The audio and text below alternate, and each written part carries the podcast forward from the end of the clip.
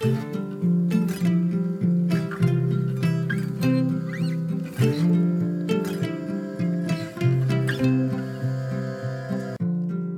och välkommen till For Health med Anna Sparre. Idag pratar vi med experten Brian Hoyer om EMF, elektromagnetiska fält. Det handlar om allt från mobiltelefoner och wifi till 5G, mikrovågsugnar, ANR, lampor och kylskåp. Och massvis med konkreta tips på hur du hanterar och skyddar dig själv i den värld vi lever i. Happy Ears är ett svenskt företag som säljer produkter som skyddar dig mot elektromagnetisk strålning, EMF. Happy Ears har bland annat filtar och hörlurar som skyddar dig när du använder din telefon eller laptop. Grundarna insåg att det saknades produkter och beslutade sig för att ta fram bra EMF-skydd för att skydda sig själva och sina barn. Gå till happyears.com eller använd länken som du hittar i avsnittsinformationen i det här avsnittet. I den här versionen av intervjun finns det svenska sammanfattningar. Vill du hellre lyssna på den helengelska intervjun utan översättningar så lyssna på avsnitt 232b. Om du gillar den här intervjun så blir jag jätteglad om du vill dela med dig av den på Facebook, Instagram eller till en vän. Gå in och lämna en recension i iTunes. Det gör det lättare för mig att få hit intressanta intervjupersoner. Tack på förhand! Missa inte heller att lyssna i slutet på hur du genom att dela avsnittet kan vara med och vinna skyddande produkter just för EMF. Om du är nyfiken efter avsnittet så hittar du mer information på forhealth.se och så kan du boka mig som föreläsare, till exempel till ett event eller företaget där du jobbar.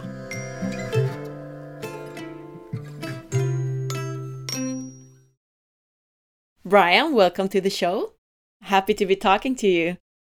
Yeah, you too. Great to be here. Awesome to have a, a podcast interview for an international show. I haven't done many of these. Sweden is a small country, so we don't have that many experts, and particularly not in EMF. So we're very happy to have you here. Awesome. So, first of all, could you tell us about your background? How did you end up being an expert in EMF?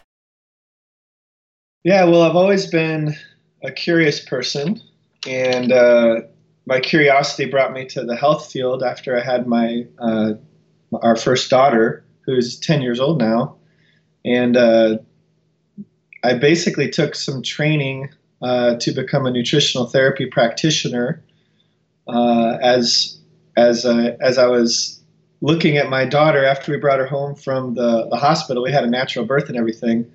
But uh, I just remember looking at her and thinking, oh my gosh, I have to take care of this little creature now. and what am I going to do? So I like, what am I going to put into her body? Like all these questions started, started, uh, you know, plaguing my mind. And so I decided to do some research. And then, you know, I, I did a lot of online research. And when I get into something, I just really research the heck out of it, you know. And so through that, I ended up being like, okay, getting very knowledgeable about nutrition and all things natural health, and uh, kind of more from an ancestral perspective. And then I decided I needed to get a certification or something because there was a few of my friends who were like, "How do you know all this stuff? Why should I trust you?" And you know, things like that. So I ended up getting my uh, nutritional therapy certification through the Nutritional Therapy Association, based here in the United States in Olympia, Washington and uh, that was a phenomenal program. And uh, they kind of follow Weston A. Price, Francis Pottenger, and then they have all these osteopathic reflex points that they teach you to assess uh, a person's health status. And so you can build a customized protocol for a person based on what their organs are responding to and the nutrients you put on their tongue. And then there's some applied kinesiology that's like adjunct to that that you can add on um, with continuing education. So after I became a practitioner, that's kind of when the EMF stuff started to come to light because I was working with people.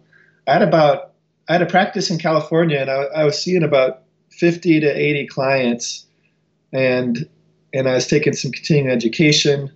And so I, I went up to Seattle one year and took a continuing education lecture from Dr. Klinghardt then I ended up taking all of his classes. But one of the things that he said in his lecture was that you know he has all these people from all over the world that are chronically ill coming to him uh, as like the last stop, basically, where they've seen like 20 doctors and then and then finally they come to him and he figures out what the root cause of the, the problem is.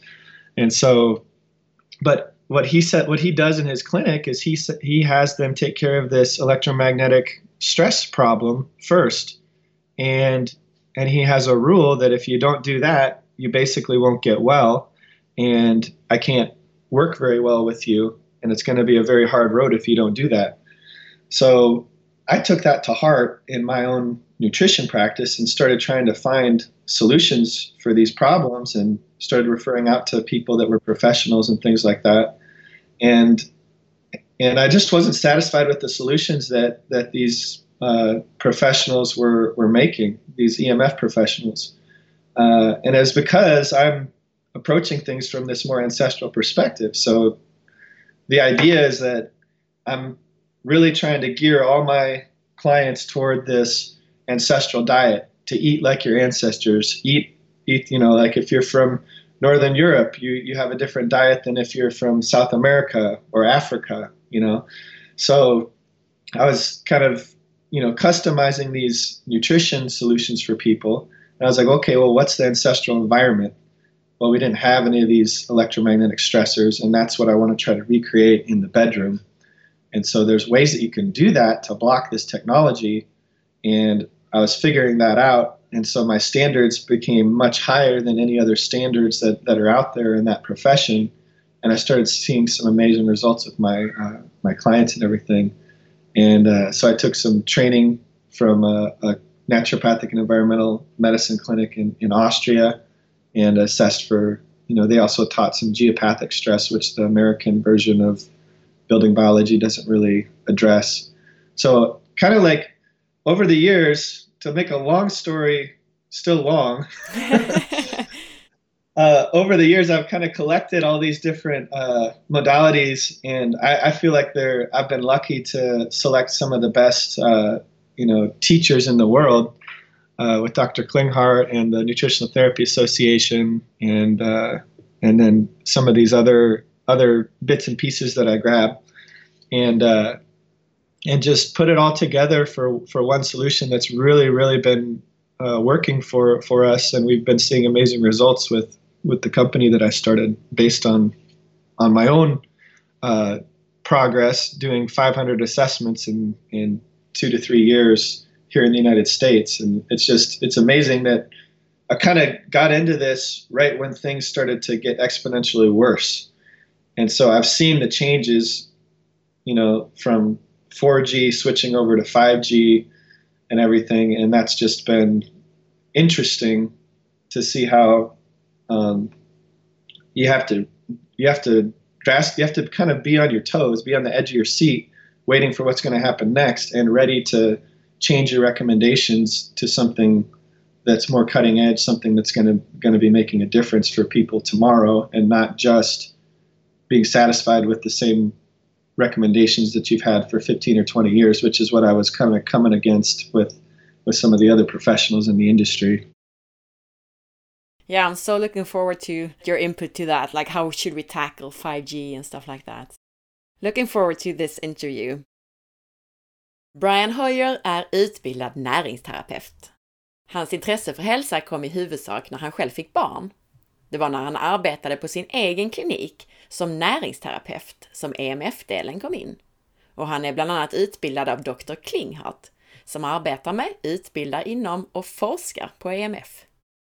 Enligt Dr. Klinghart så måste man som sjuk patient ta tag i den elektromagnetiska stressen först för att överhuvudtaget ha en chans att bli frisk. I början skickade Brian sina egna klienter till andra som arbetade med EMF men han var inte nöjd med lösningarna som de förespråkade. Inte minst för att Brian vill närma sig problem och lösningar från ett evolutionärt perspektiv. Så Brian bestämde sig för att själv specialisera sig på EMF. Brians standarder och krav är högre än andras och han ser fantastiska resultat på sina klienter genom att implementera olika lösningar. Inte minst för att få en sovrumsmiljö som så långt som möjligt efterliknar den vi haft under evolutionen. But to start off, we need to explain what is EMF?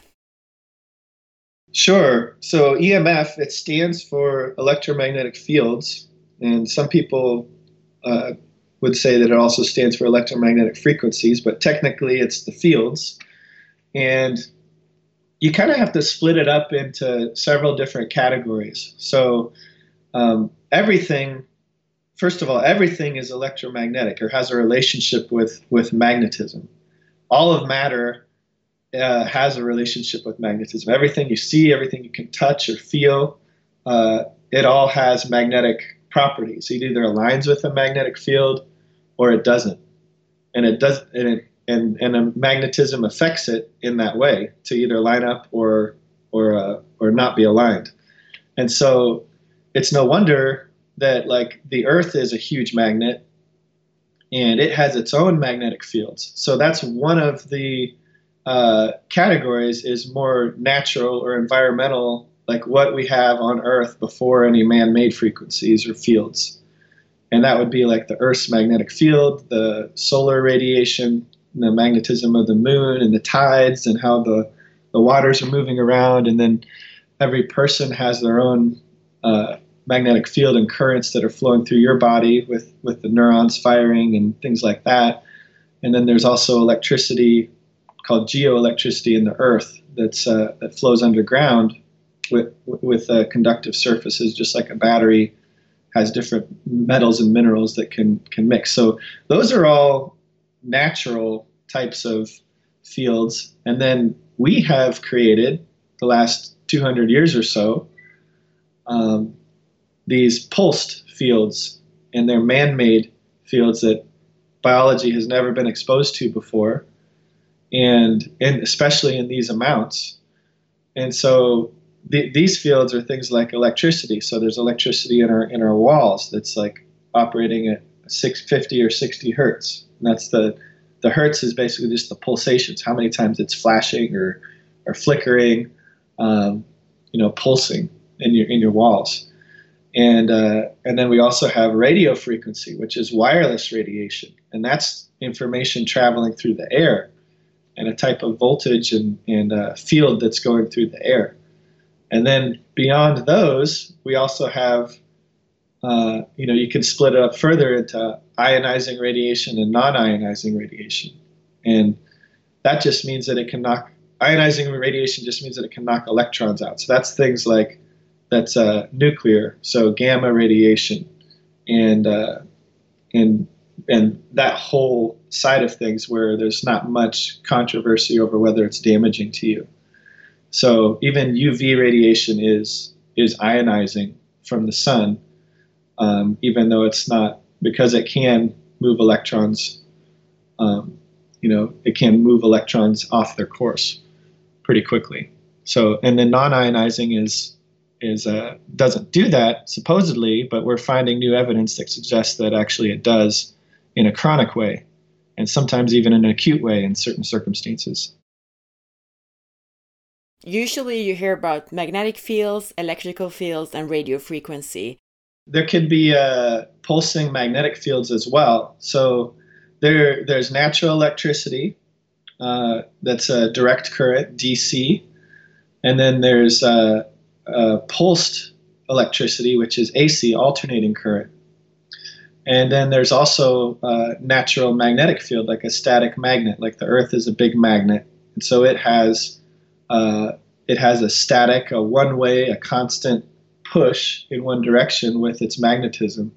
Whereas the magnetism that we create, that's a magnet, like magnetic fields from a big big power lines or your refrigerator or these other things, that are sources of magnetic fields, anything that's running on the pulsed electricity is going to create a pulsed magnetic field. And so, so like, like our body is used to being aligned with the Earth's magnetic field, which is constant, constantly pushing outward from the center of the Earth. And uh, what we've done is we've created a pulsed magnetic field that jostles all of our cells and our minerals and everything around and so it distorts the way that our the metabolic processes in our bodies work with the spark plugs of life, which is our which is our minerals, and so our our minerals are acting all wonky because they've got this pulsation to them, and so under a microscope, if you can see them kind of wiggling more instead of if they if we weren't exposed to this this uh, pulsed magnetic field, they would be flowing more smoothly, like like any organism would that you see swimming in the water. But instead, it's kind of like they they almost have Parkinson's, and they're they're uh, they're just kind of shaking around everywhere under a microscope. And scientists seem to think like they, you know, before they they don't really notice this because they they see it as normal because they're always surrounded by by this. So it's it's kind of crazy to think about that. Yeah. EMF står för elektromagnetiska fält. EMF kan delas upp i flera olika kategorier. Egentligen så har all materia en relation till magnetism. Vi har naturliga magnetiska fält. Jorden är ju till exempel en magnet med sitt eget magnetiska fält. Och vi har naturlig magnetism även från solen och månen. Neuronerna, nervcellerna i våra egna kroppar, skapar också magnetiska fält. Nervsignalering är ju elektriska signaler. Och som du kanske minns från fysiklektionerna så skapar ström magnetism. Elektriska laddningars rörelser ger upphov till ett magnetfält. Och ett magnetfält påverkar elektriska laddningars rörelse. Förutom den naturliga elektromagnetismen så har vi människor skapat pulserande fält såsom elektriciteten som löper genom våra kablar och väggar, som pulserar med en frekvens på 50 Hz. Utöver detta så har vi även en kategori av EMF som kallas Radio Frequency, trådlös information som färdas genom luften. De här kategorierna av EMF kan i sin tur delas upp ytterligare i joniserande och icke-joniserande strålning. Joniserande strålning innebär att den kan slå ut elektroner ur atomer som den kolliderar med, vilket förvandlar atomerna till joner. När det gäller joniserande strålning så är det inte särskilt kontroversiellt att det är skadligt för oss. Saker som röntgen och UV-strålning är joniserande. Joniserande strålning kan alltså påverka elektroner och flytta dem från sin bana. Icke-joniserande strålning är sagd att den inte gör det, men nu kommer nya bevis på att så kanske ändå är fallet. Den stora skillnaden mellan naturlig magnetism och de fält som vi människor har skapat är att det vi skapat pulserar, vilket skakar runt våra kroppars celler och mineraler. Det påverkar därmed våra kroppars metabola processer. Och detta går att se om man tittar på det med mikroskop. Those different categories of EMF, what's the worst kind? Ooh, that's a hard question because you know there there's different just like uh, it's kind of like uh, to me when someone asks me that question it's like like asking somebody the question well what's the worst food for you like or what's the food that's the the worst um, you know has the worst nutritional profile or or is or the person uh, what's the worst allergenic food. That, that'd be a, the best example. Uh, well, it kind of depends on the person, is the answer. Because some people will uh, be more susceptible to the magnetism uh, and the pulsed magnetic fields, while some, some other people will be more sensitive to these wireless frequencies. You know, I had one woman who uh, couldn't, like when, when her Wi Fi was on, she was noticing ringing in her ears, and uh, and then so she turned her Wi-Fi off. It got a little better, but it wasn't until she shielded her room that the ringing in the ears went away. But she also had like some other issues in, in the house when we tested it. Some you know high electric fields, high you know a little bit too high magnetic fields. Alarm clock was a little too close to her bed, things like that, and those weren't affected. Those weren't giving her the symptom of ringing in the ears like the, the wireless frequencies were. And so these wireless frequencies were causing her body to respond in a way that was kind of putting her over the edge. And that's not to say that these other things that we found weren't contributing. I think they probably were. And sometimes when you remove all those things, um, you can see a person get well too. But she she could notice a big difference just being around uh, Wi-Fi or being out and about and uh, and feeling the ringing in the ears come on, and then she looks over and there's a cell phone tower and that sort of thing. So um, there's you know then there's other people that like they really respond to electric fields, and so there's there's this one woman in particular. Um, we didn't have her room perfectly shielded from the wireless frequencies, but we had her uh, body voltage way down, so the electricity was way down. And immediately that night, her night sweats stopped, and she'd had night sweats for like nearly two decades. Uh, but because we cut off the electric fields, they just stopped. So that was obviously a huge contributor to, to that phenomenon. Olika människor reagerar olika på de olika typerna av EMF. Brian berättar som exempel om en kvinna som påverkades mest av de trådlösa fälten. Hon kunde inte bli av med ringandet i öronen om hon hade sitt wifi på. Andra är mer påverkade av vanlig elektricitet. Brian tar en kvinna med nattliga svettningar som exempel. Svettningarna försvann när de fick ner påverkan från elektriska fält. Now you're mentioning that they're very affected by EMF, but how do the different kinds of EMF affect our bodies? I mean, what does it do to our bodies? Well, it's interesting because for a long time, people couldn't find or couldn't target the mechanism. But uh, what what it's doing is it's actually affecting these voltage gated calcium ion channels that we have on in every single cell of our body.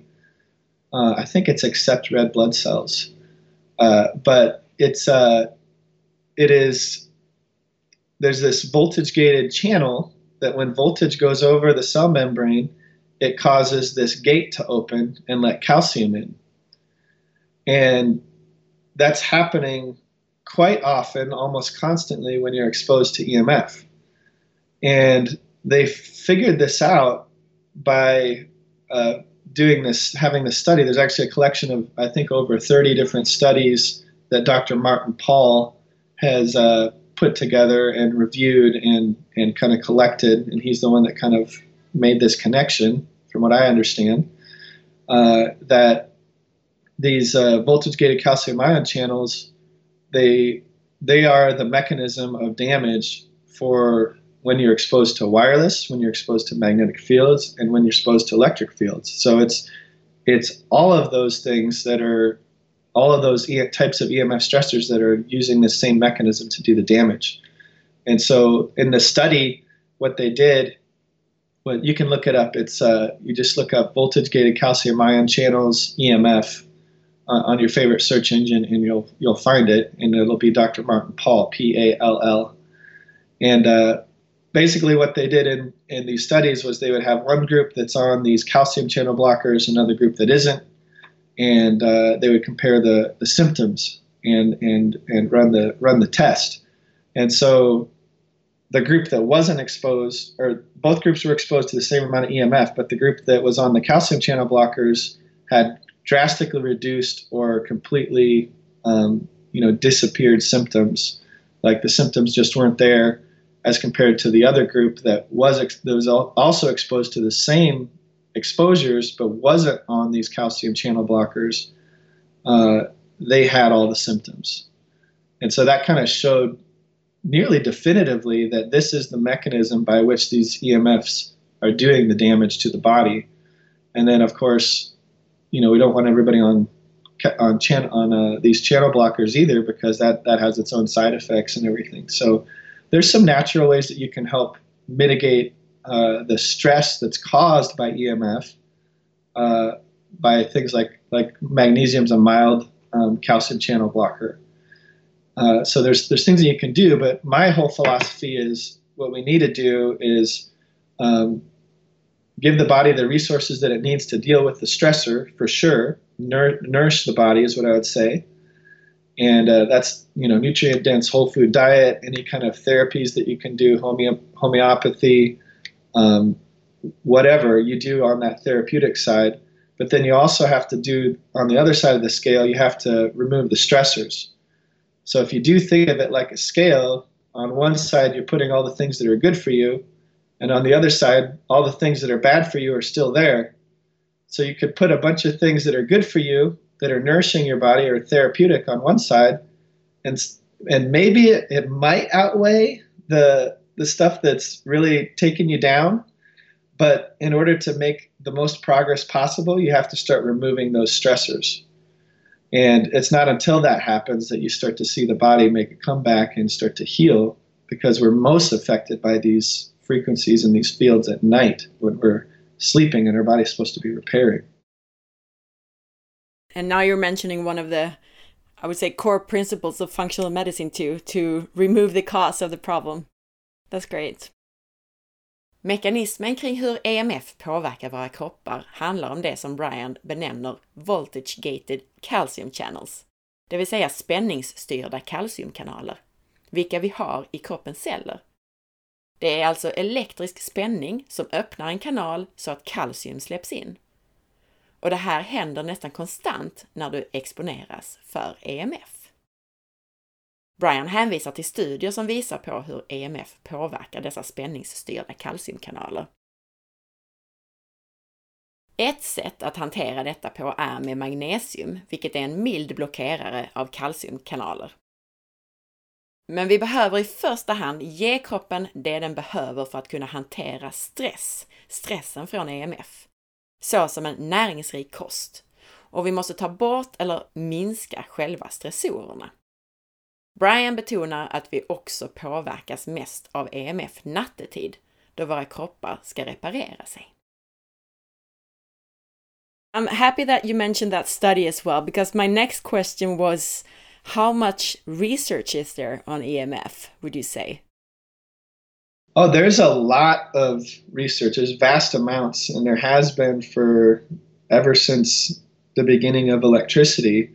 Uh, you do have to do some digging to find uh, the early things, but recently there's been uh, many studies that are that have come out. Even one that was sanctioned by the United States FDA uh, through the National Toxicology Program here in America, and they came out with a 25 year, it was either 25 or 30 year study um, that showed a correlation between cell phone exposure, the same that you would have from being on a cell phone, and uh, and cancer. So like glioblastomas, uh, heart schwannomas, and then there's also some some links to some of the um, sex organs in both males and females, uh, and there was definitive evidence they, they that they that they showed in that.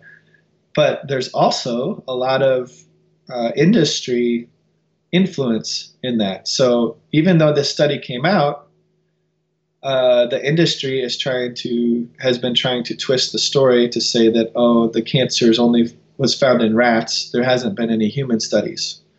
So it's like it's like why did you even do the study on rats then if it's, if you're going to come out and then it and then it shows that there's clearly some relationship to cancer and then uh, and then totally you know uh, disregard it because oh it, it was on rats so we know we know cell phones give rats cancer but we don't we still don't know if they're causing anything for humans.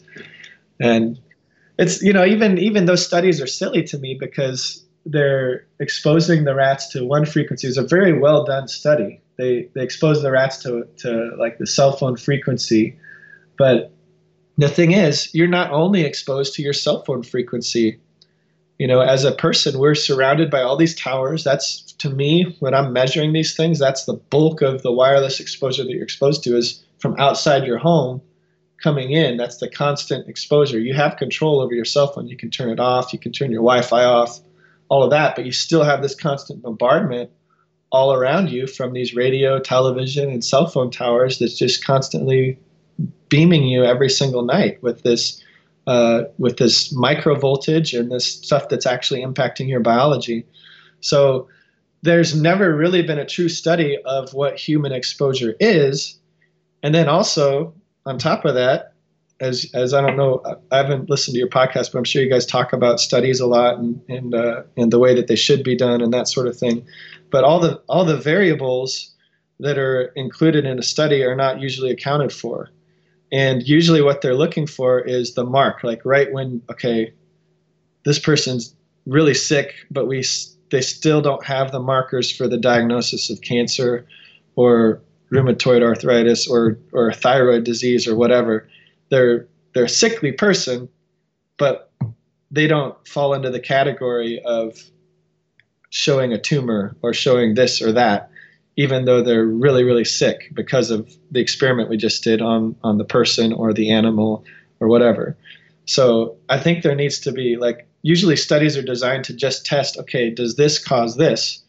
Well, I think it should be designed more to be like, okay, let's do a full health workup and see what all this exposure affects. And to me, I don't see many studies doing that out there. But if they did, they might find a lot more, um, you know, a lot more truth in in what they're studying, a lot more valuable information. Because, you know, to me, I, I want to know if something's bad for my health, not just if it's going to uh, cause cancer later.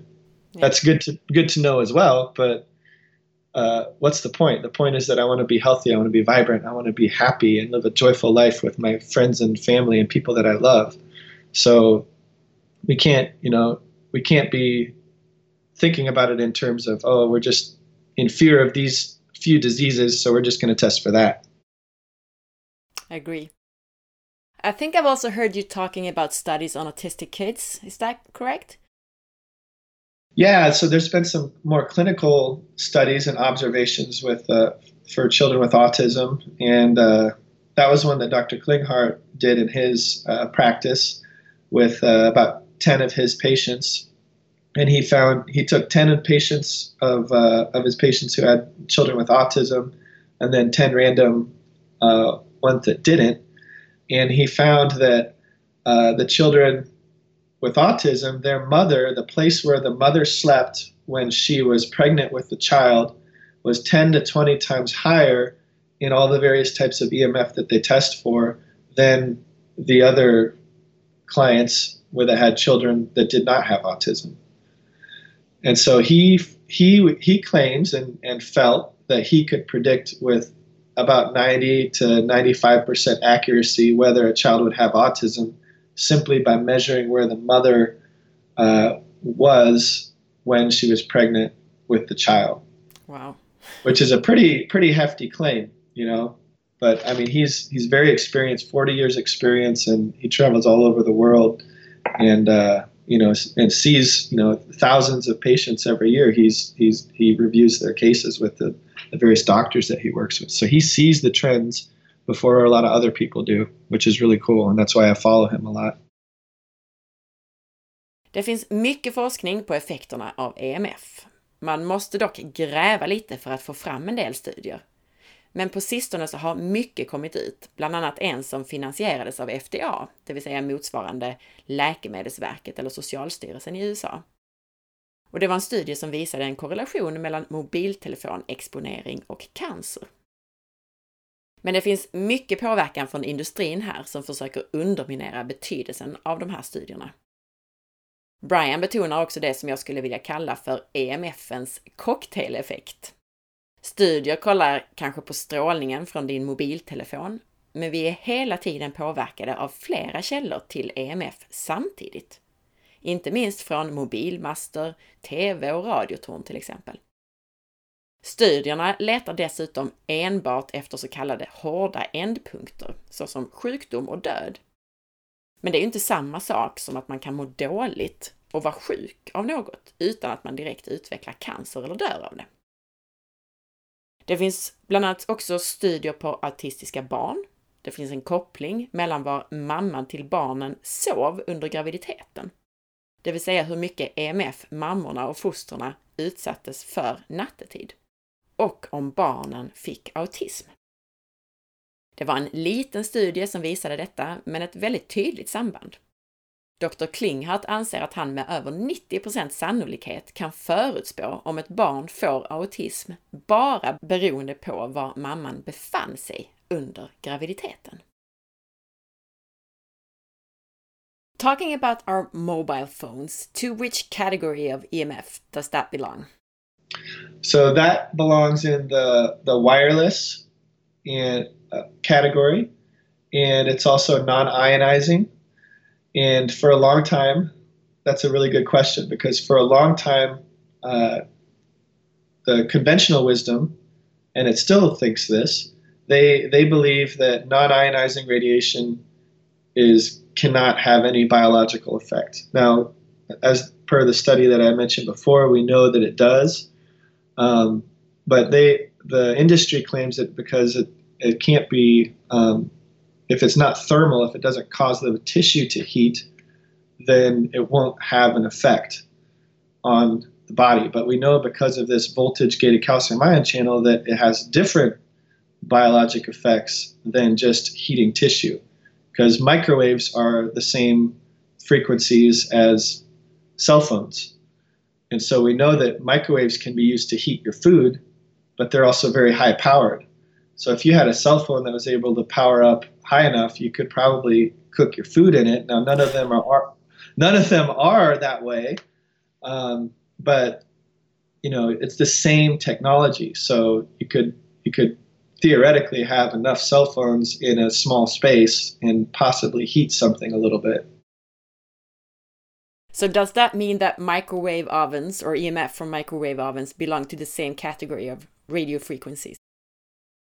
Yes, and uh, microwave ovens also produce magnetism because they have um, a higher current that's flowing through them. So anything that has a high amount of current flowing through it um, or a motor in it, it's going to cause a magnetic field. So when a microwave's plugged into the wall, it's potentially emit. It can potentially, once it's turned on, be emitting four different types it, it will be emitting four different types of EMF oh. that we that we test for. It'll be emitting uh, electric fields just because it's plugged into the wall. Even if it's not turned on, it'll have that. It'll have dirty electricity, which is harmonics that are on the electrical line flowing through, running on along that electrical field. It'll have a magnetic field when it's turned on, and sometimes even a few feet out from the panel in the front without it turned on and just plugged in. And then it has the, the microwave radiation or the wireless radio frequency radiation. Those are all the same. Wireless radio frequency and uh, microwaves, those are the same. Wow. By the way, what happens to our food when we heat food in a microwave oven?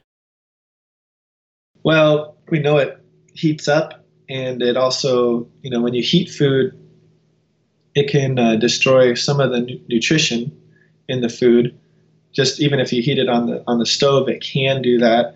I think there's not definitive evidence in my mind whether it depletes it more in a microwave or distorts the molecules more than uh, on a stovetop. But I kind of always go back to the ancestral principles. How would our ancestors have heated up their food? And definitely wouldn't zap it with a microwave. So there's that, but it's more than that for me. It's like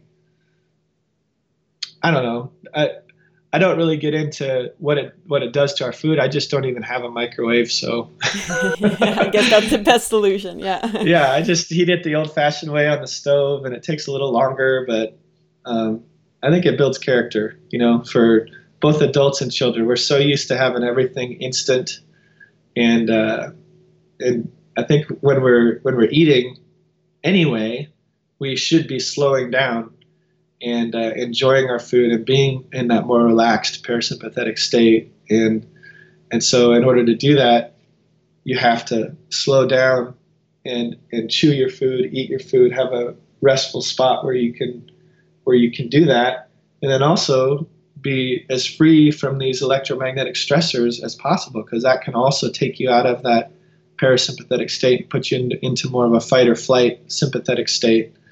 and uh, you won't digest your food as well if if you're uh, being exposed to lots of these different types of EMF stressors, and also if you're emotionally stressed. If you're if you're living in an environment where every where you don't have any EMF stressors and you're emotionally stressed because you're you're uh, you're afraid of 5G or you're afraid of like all of these other things, and you're constantly have this anxiety, that's not going to be good either. And so I always tell people like, you know, there's a balance here between fixing what you can fix and then and then trying to calm yourself down and not be so anxious and worrying about about what's happening to our world. And it it is it can be intimidating, but you know, in order to really uh, exude health and to to uh, gain the health that you want, there's an emotional component to this whole thing as well, which not many people talk about. Yeah, agree. So what you're saying now is that the microwave oven is actually transmitting EMF, although you're not using it. So I guess my conclusion is that I should take it out of the plug, so to speak, plug it out. But what about other electrical devices or your lamps and stuff like that? Should you also pull the plug, even though they're turned off? Um, I only I only really recommend that in the bedroom, um, and even that is something where if you properly shield a room, then you don't. Sometimes you don't have to worry about that because there's different ways you can get around around that. You can have shielded cords um, that are replaced, or um, or you can just have a little switch where you can turn off a power strip and it just cuts off the power to, to the lamps in your room and that sort of thing. But a lot of a lot of people really focus on okay, so electricity is bad. Now we have to unplug everything in our house, and we have to, you know, that. But that's when it starts to become very overwhelming, and a lot of people get anxiety about it because I don't actually recommend doing that. What I recommend is to, um, and th- and I recommend this not based on only practicality, but also based on uh, compliance and taking easy steps, and also what is the absolute priority to get people better and to help help reduce like uh, help the body to recover quicker. So the priority is the bedroom. Always focus on the bedroom. Get the bedroom perfect. You don't need to have a, your cell phone on in your bedroom. Every time your cell phone goes in your bedroom, you should be putting it on airplane mode. And if if you can't do that, if you're on like an on-call nurse or a doctor or something like that, and or you or you're just worried about your your kids who are off at college, then get your room shielded. Plug your phone into one of those battery-powered, um, you know, those battery, those portable battery banks, and put it behind your shielded curtain. These are all solutions I'm sure we'll talk about later. You put it behind a shielded curtain so there's a barrier between you and your phone. Turn the data off. That's one thing you can do. Uh, so it's not pinging the tower for updates on your apps uh, constantly. And then when you do that, you can still get text messages and phone calls, but it's not constantly updating all of your um, applications that are on your phone. So there's, you know, when we do these EMF assessments for people, we're customizing these protocols but mainly focusing in on the bedroom and perfecting that environment. Uh, and when you do that, your body is able to heal most of the damage that's done during the day. It's able to heal that at night when you go to sleep in your stress-free environment. And and that's that's kind of based on this principle that I, I came up with that okay, our ancestors they were also exposed to natural radiations and hormetic stressors, like stressors that can be actually kind of good for you during the day, um, like like UV radiation from the sun. There's cosmic radiation from the sun. There's gamma radiation. There's you know there's all this kind of ionizing radiation from the sun, and this nobody. Well, I guess there are some people that are demonizing the sun out there with uh, the sunscreens and stuff like that. But the sun is our friend, and it actually provides a lot of health for us with the different frequencies that it that it uh, gives us. Not just the whole vitamin D UVB phenomenon with the cholesterol in your skin.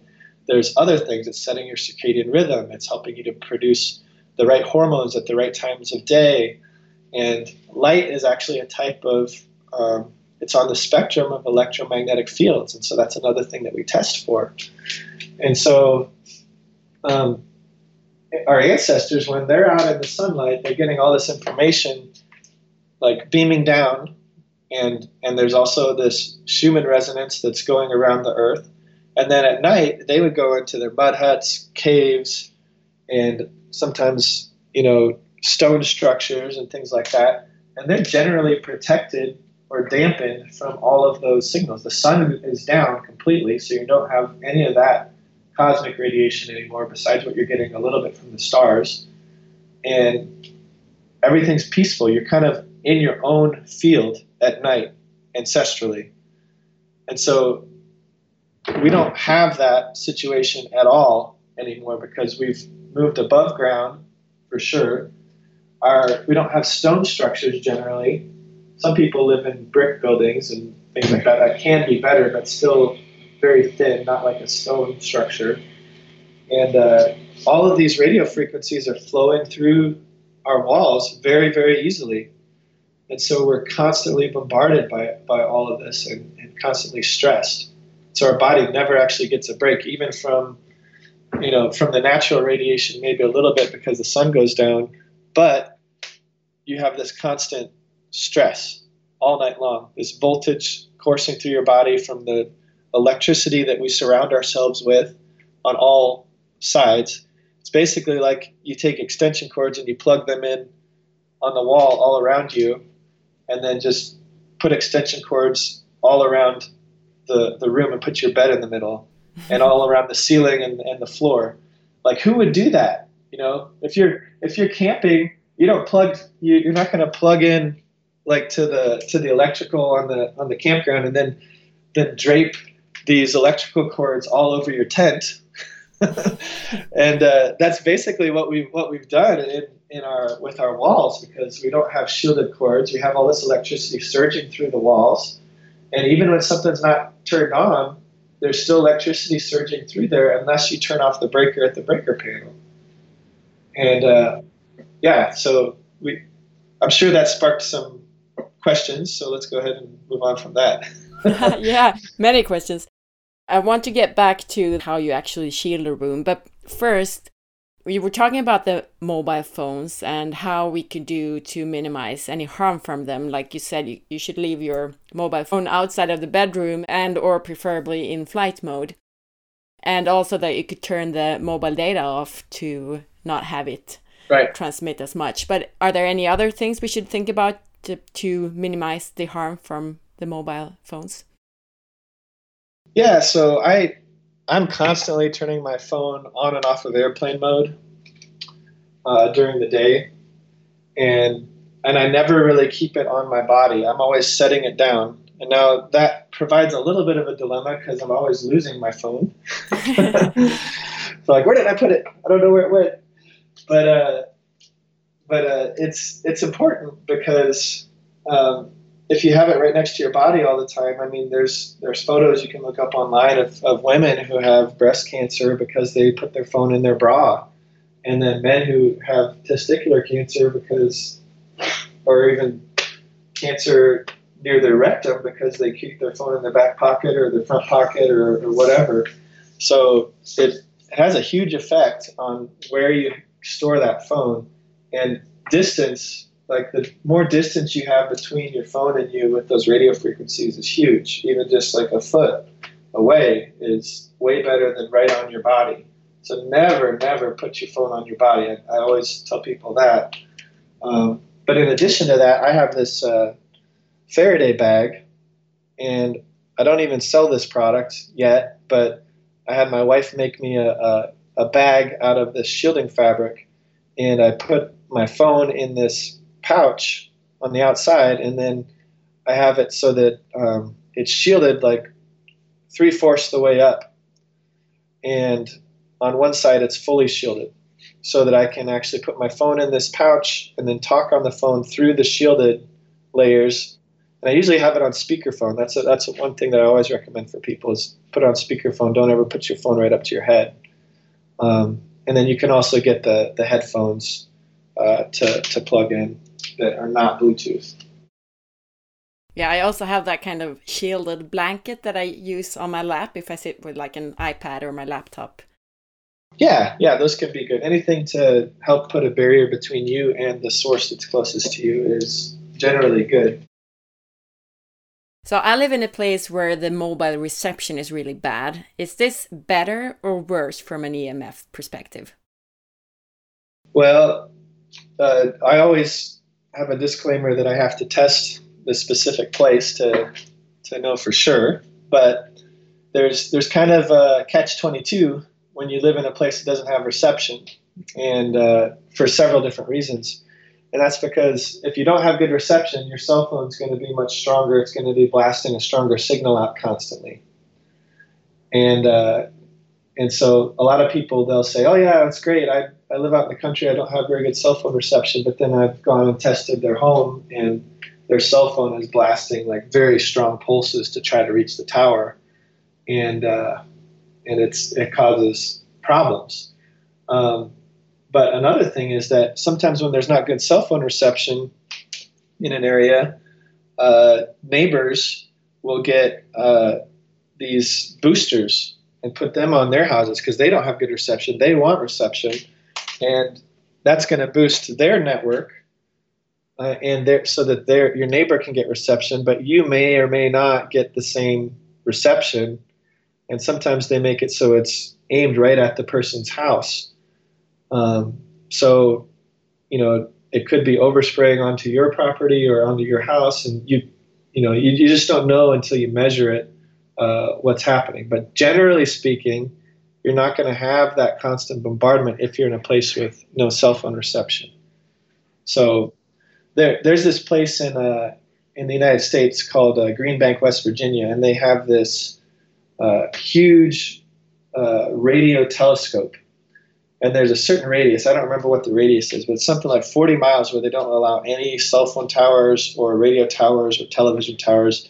They don't want anything uh, disrupting and interfering with this this uh, telescope that they have that's actually receiving radio frequency like these really minuscule uh, fields of radio frequencies that are coming from stars. So they actually use this telescope to create a lot of the imagery that we see of these galaxies and stars and things that are really far away because we wouldn't be able to see them with an optical telescope. Uh, some of those images we can only receive with a radio telescope because it has to go through dust and silt through like millions of, of miles of, of space.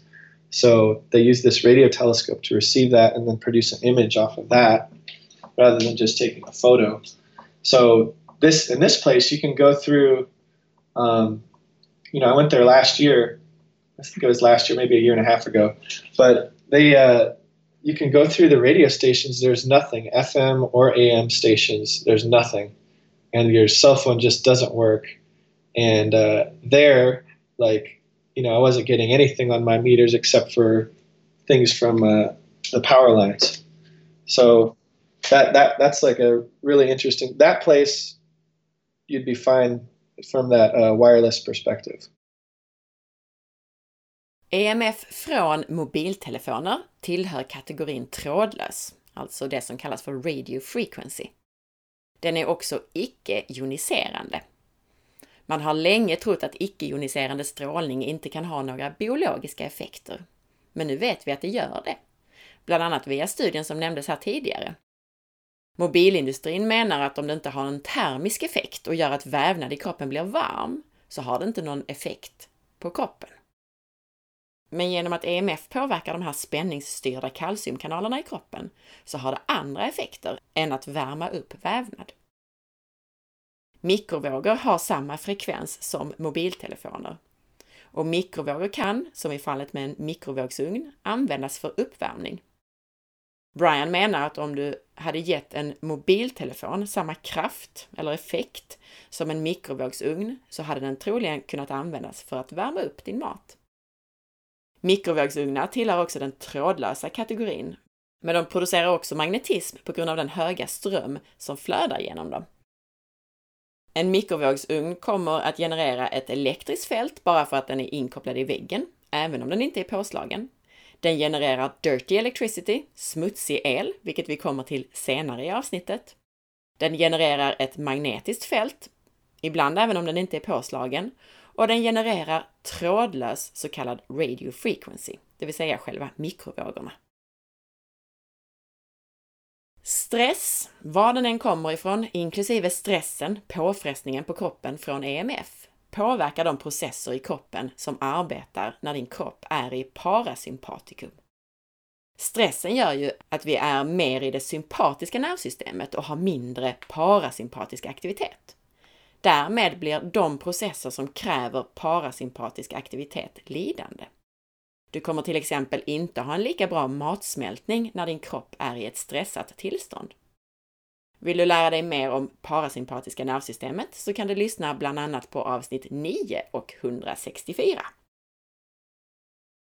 Eftersom elektrisk apparatur genererar EMF till viss del även när den inte är påslagen så kan det vara värt att även dra ut sladdarna i sovrummet när du ska sova. Det vill säga inte bara stänga av lampor och annat. Det går dock att komma runt detta med olika sorters produkter, såsom särskilt skyddade sladdar. Tänk också på att den emotionella stressen över detta med EMF kan bli värre än själva stressen och påverkan från EMF i sig. Så hitta bra lösningar och stressa inte för mycket över resten. Prio är ditt sovrum. Ha inte mobiltelefonen påslagen i sovrummet. Om du tvunget ska ha den där så sätt den i flight mode. Måste man vara tillgänglig på natten av någon anledning så kan man förvara mobiltelefonen bakom till exempel en EMF-skyddande gardin så att det finns en barriär mellan dig och din telefon. Ha den inte heller inkopplad så att den laddar i sovrummet. Måste du ladda den nattetid är det bättre att använda en så kallad powerbank, det vill säga ett batteri, än att koppla in den till ett eluttag i väggen. Ytterligare en viktig sak är att stänga av mobildata på natten så att inte appar och annat ligger och arbetar i bakgrunden. På så sätt så kan du fortfarande ta emot samtal och sms utan att alla appar ligger och uppdateras konstant. Natten är så himla viktig eftersom det är då kroppen reparerar sig. Det är då stresshormon, kortisol, ska vara som lägst så att melatonin, sömnhormonet, kan vara som högst melatonin som ger oss återhämtning, sömn, hjälper oss att bekämpa oxidation och fria radikaler och så vidare. Extremt viktigt. EMF kommer ju också utifrån och passerar relativt enkelt genom våra väggar. När det gäller just mobilen så kan man även dagtid tänka på att sätta den i flight mode de stunder man inte behöver vara anträffbar. Försök att inte heller ha den nära din kropp det vill säga ha den inte i fickan till exempel. Det kan påverka risken för cancer. Avståndet spelar en enormt stor roll. Att bara ha telefonen några decimeter bort gör enormt stor skillnad gentemot att ha den intill kroppen. Prata inte heller med telefonen intill huvudet, sätt den i högtalarfunktion eller använd hörlurar. Talking about Wi-Fi, then it's yeah, that should be the same category then, like radio frequency, right? Or yeah, wireless. Yep. Yeah. Yeah. Yeah. yeah. So, what's worse, by the way, Wi-Fi or mobile phones, mobile data? Well, there's there's a a stronger pulse from your phone uh, when it's trying to reach a tower uh, than it is if you're connected to your Wi-Fi router, which is like you know usually 20, 30 feet away, um, or rather, I should say like 10 to 20 meters away. yeah, European, yeah. yeah. So, uh, yeah, it's but the thing about Wi-Fi is it's modulated in a way where a lot of people that are electrosensitive or have microwave sickness, um, they say that the Wi-Fi actually harms them or gives them more symptoms.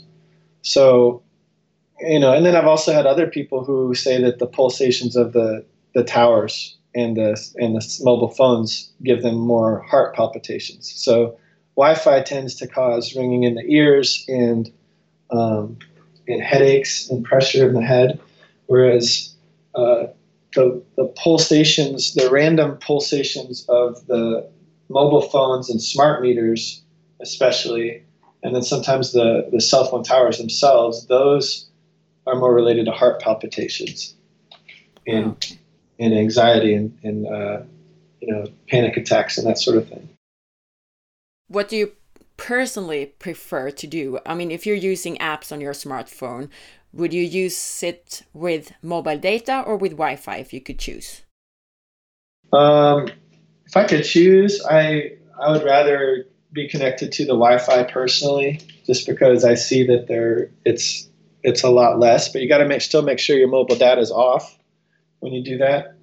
Um, there there is a way on iPhones and some Android phones, um, and probably Microsoft too. I'm not sure. I'm not even sure what all the operating systems are that are out there. I just know that I, I have Android, and then iPhones are like almost every other per, every other person has an iPhone. But there are ways to connect uh, directly via a wire to your phone and still get data, and you can make phone calls and everything. Oh, so you use the cord that you could use for your laptop. You could use that for for your mobile phone. You mean? Yep. Oh, all right. Do you eliminate the wireless, the radio frequency then? Yeah, yeah, you do. You you'll eliminate the radio frequency that's uh, that's uh, made on purpose to transmit. Uh, every every electrical device, even if it has like that has a battery or anything, uh, there'll be a slight radio frequency about an inch or two out, which is why I still keep my keep my phone in my Faraday bag if I'm going to put it in my pocket, even if it's on airplane mode. And I should also highlight what you said there that even though your phone automatically switches to Wi-Fi, you need to turn the mobile data off to not have it transfer EMF, right? Yeah, and it, you know every phone might might be a little bit different with that. Um, some some phones may disable the mobile data uh, when you put the Wi-Fi on, but I don't you know don't always trust that. Just you just kind of have to double check and see what your phone is like. Anyway, you save some battery time as well if you turn mobile data off. yeah, yeah, definitely. You mentioned the distance from our mobile phones and Wi Fi, and it seems to matter a lot. So, can you tell us more about that? Yeah, so, you know, when I'm testing a house, I and, and giving and giving people recommendations, I, I generally really, like I've been saying, really focus in on that bedroom. And I don't want there to be hardly any exposure whatsoever detectable in the bedroom. Uh, and we have these devices that actually measure the body for radio frequency uh, voltage on the body because the body, the skin is actually conductive. It conducts like an antenna. And that's why, like, when you're a kid and you had like the, the old televisions that were getting the signal, you touch the, the metal antenna and your the reception starts to get better and then you can kind of move around and lift your leg up and and and hold it to get reception to see the big game that that your dad wanted, you know. So you can, you know, your body is conductive. You can act as an antenna, and so like the distance between your cell phone and your Wi-Fi and everything. Um, it, it's kind of relative. You just have to develop healthier habits. Uh, put the Wi-Fi as far away from the bedrooms as possible. Uh, if you have it in your office and you have a home office, you definitely don't want the Wi-Fi like right next to your desk. At the very least, put it on the other side of the room from where you're at. And even then, um, there's some shielding fabric you can get to kind of cover it and dampen the signal so you can still use it, but it's not going to be like blasting you with a very strong signal. So I, I kind of use um, a lot of the shielding materials as a way to um, put artificial distance between me and the source. Because when you put a shielding material over something or you shield a room, it's like transporting it, you know, X, X amount of meters away from the source of the radiation. it's similar similar to that. So like if you have a phone that's like if you put a, a phone that's not on airplane mode, it's like full blast. You're on a call right next to your head. Um, that's like even if it's like a centimeter away, if you put it there that same distance with the shielding fabric between you and the phone, it's like it's 10 meters away, the reading.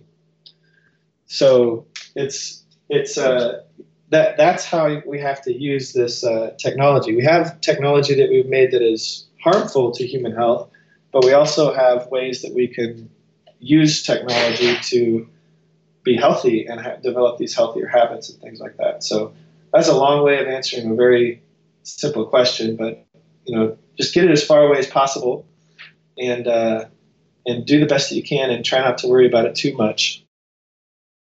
Okay, so that's some good advice. So when it comes to minimize harm from Wi-Fi and mobile phones, then the distance and also shielding material could be useful.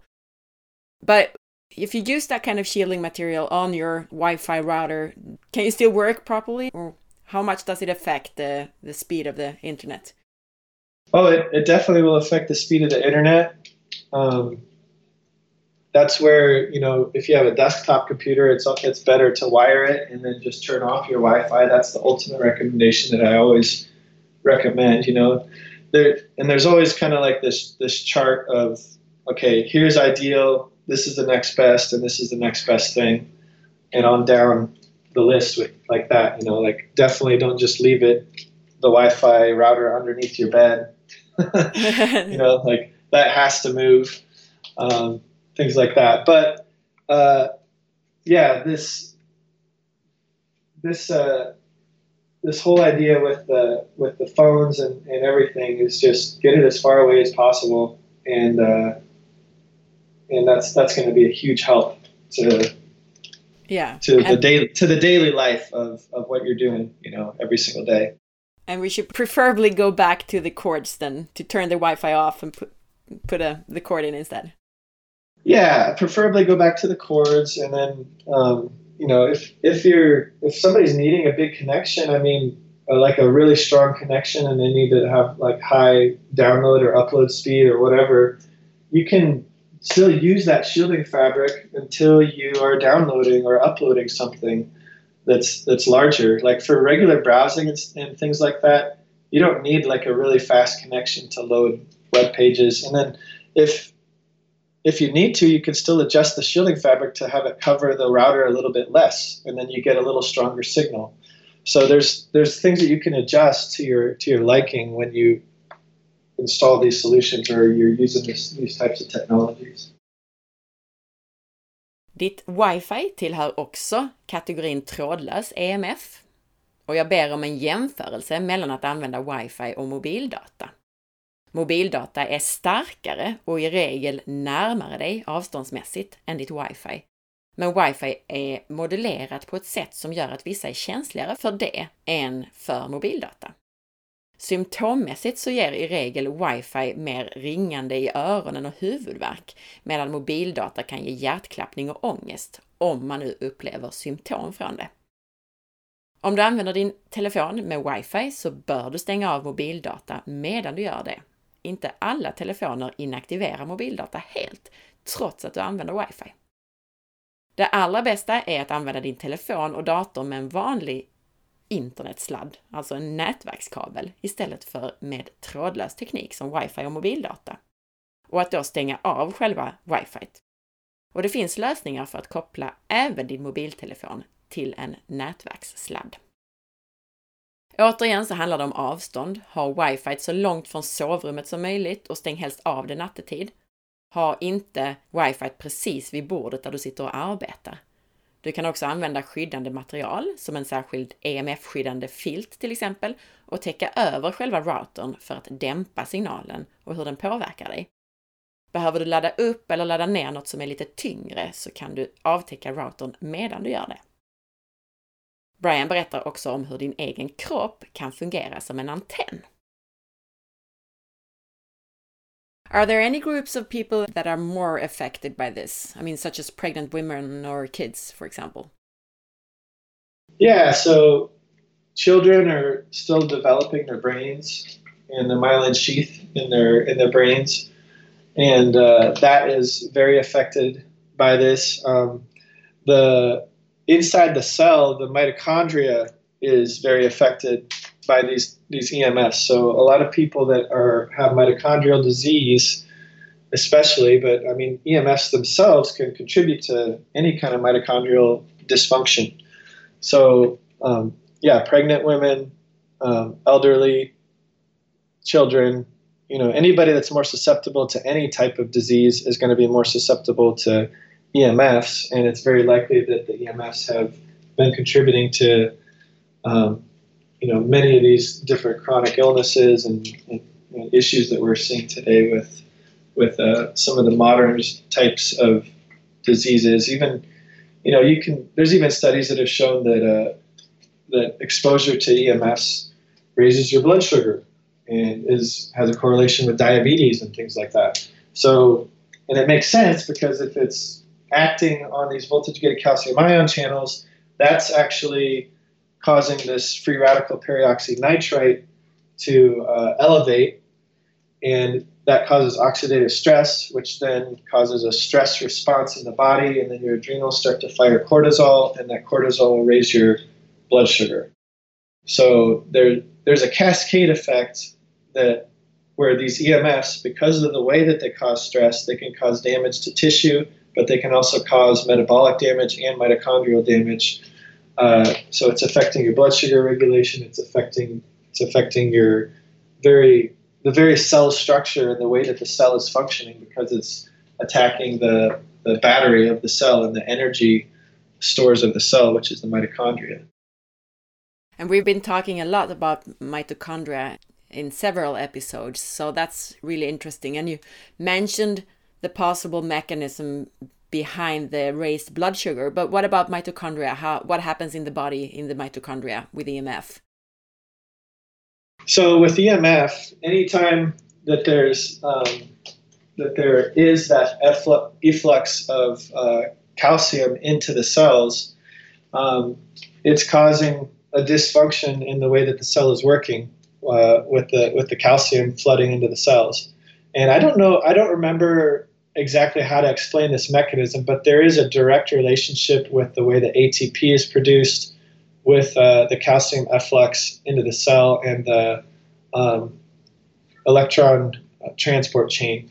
So there's, you know, and, and you just use use that phrase electron transport chain and you can think about okay well maybe voltage and electricity might have something to do with that whole process so there's you know there's subtleties there's things that have been discovered but then i i believe that there's all kinds of ways that and mechanisms that have not been discovered that make sense that why would this electrical environment how could it not be affecting the electrical environment inside the cell and inside of our body and on our skin and, and everything? And so these radio frequencies are penetrating into our flesh and into our cell, and and they're causing different structures in the cell to resonate at different frequencies too, because every everything that has minerals in it is semi-conductive, and so uh, when it's it's the same way that antennas work.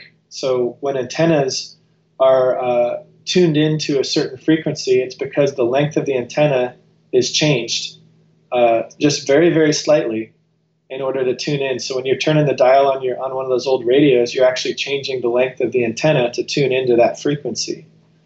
So your body has a certain conductive surface area and it has its own frequency when it's when any voltage is put on it it's actually radiating a certain frequency, and that frequency has become pulsed with with all the pulsed voltage that we've surrounded ourselves with, and and each one of our organs has its own frequency, and then each one of our tissues and our cells, each each thing that it's that's made up of a matrix of minerals that's put together has its own resonant frequency that's being affected by the pulsations that are all around us. And so it's distorting the way that every single organ and cell in your body is was naturally. You look at a human body and and uh, like now versus 300 years ago. Um, with all these, and if you were able to measure all of that in that type of environment, you would see a huge difference in the way that everything is functioning on a cellular level, and uh, you'd be able to detect the the frequencies and the resonance that each each organ and each tissue and each uh, cell itself. If you had delicate enough equipment to do that, you'd be able to to detect, hey, our bodies are actually emitting frequencies that it that they weren't emitting 300 years ago. Wow. Särskilt barn vars hjärnor är under utveckling är extra känsliga för EMF. Men även gravida och äldre och den som är mer känslig för att bli sjuk i allmänhet. Det finns studier som visar att EMF höjer blodsockret, vilket inte är så konstigt eftersom EMF är en stressor, vilket alltså påverkar stresshormon, kortisol, vilket i sin tur höjer blodsockret. För att vara än mer detaljerad så kommer denna stress troligen, åtminstone delvis, av EMFs påverkan på de här kalciumkanalerna som vi pratat om. Detta i sin tur ökar bildningen av fria radikaler, en oxidativ stress som ger en stressrespons. Det blir en kaskadeffekt där EMF skapar en sorts stress, vilken kan skada vävnad i kroppen, men som också kan ge skadliga metabola effekter såsom förhöjt blodsocker och det kan dessutom skada våra mitokondrier. När det gäller vad som händer inuti våra kroppar så är våra mitokondrier väldigt påverkade av EMF. Mitokondrierna, cellernas kraftverk, kan du lära dig mer om bland annat i avsnitt 202 och 230. EMF påverkar hur våra mitokondrier tillverkar cellenergi, ATP, eftersom det påverkar elektrontransportkedjan. Brian betonar också logiken kring att EMF påverkar våra kroppar, till exempel för att allt som har mineraler i sig kan fungera ledande till viss del, såsom våra mänskliga kroppar. What's your take on using Bluetooth devices, like headphones, for example? So, I I don't use them. Um, it's it's debatable whether it's better to talk on Bluetooth or have the cell phone right up to your head. Uh, you are putting that Bluetooth device into your ear. It's not pulsing as much as your cell phone, which is pulsing all the way to the tower. But the thing is, a lot of people that the people that use the Bluetooth will often also have the cell phone in their pocket. Yeah.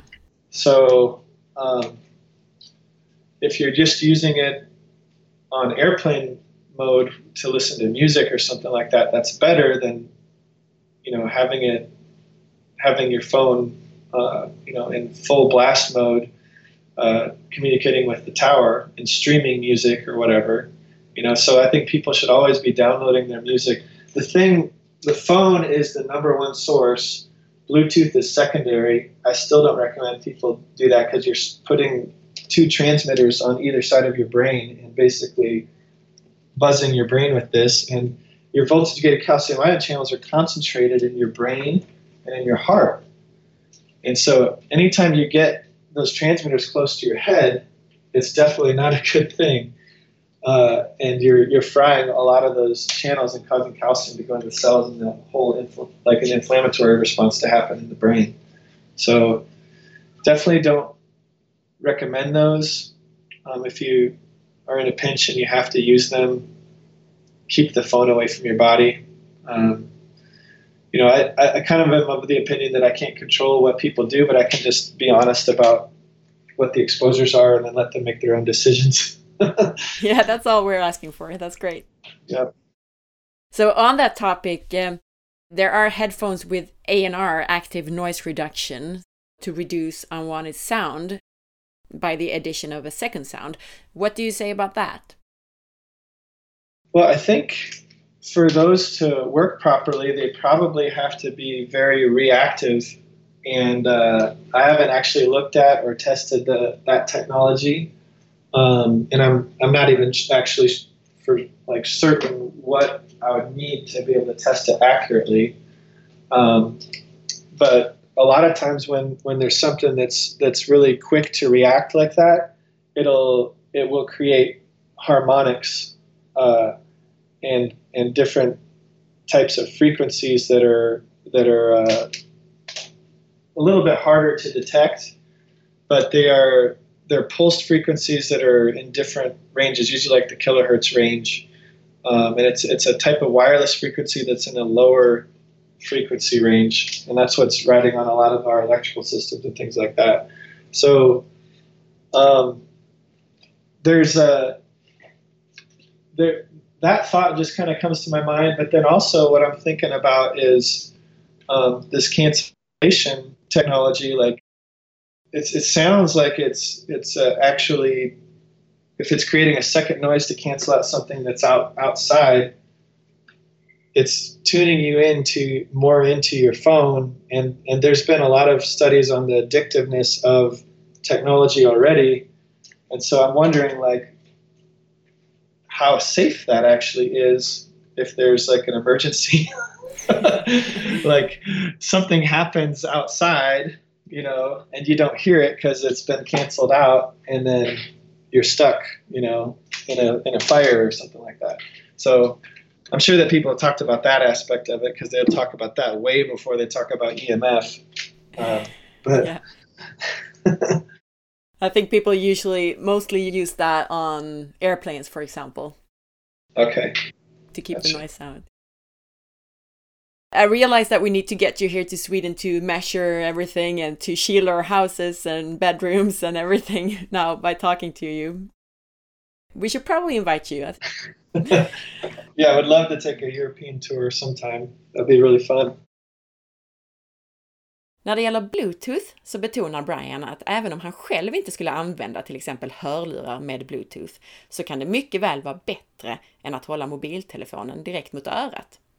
Bluetooth som du stoppar direkt in i örat pulserar inte lika starkt som din telefon som ska nå hela vägen till mobilmasten. Men problemet är att personer som använder Bluetooth oftast har sin mobiltelefon i fickan, direkt mot kroppen. Och Brian rekommenderar inte att använda Bluetooth så nära huvudet. ANR, Active Noise Reduction, aktiv brusreducering, är en teknik för aktiv ljuddämpning som går ut på att ljudvågor i motfas tar ut varandra. Brian betonar att han inte testat detta med mätutrustning och därför inte säkert kan säga hur mycket det påverkar oss. Men han resonerar kring att det troligen kan påverka oss eftersom det är en reaktiv teknik. You mentioned dirty electricity. Yeah. Could you explain that a little bit further? What is that? Yeah, so there, these are dirty electricity is um, a phrase coined by Sam Milham. Uh, he's an American uh, epidemiologist, uh, doctor, and uh, he basically found that there's harmonics that are riding on the electrical system. Um, and you know, he was testing here in America, but it's it's also a phenomenon anywhere that there's electricity uh, because of the nature of a lot of the appliances and the the uh, technologies that we have that are connected to the electrical grid. So when there's things that have switch mode, what they call switch mode power supplies, they're they're turning things on and off a lot.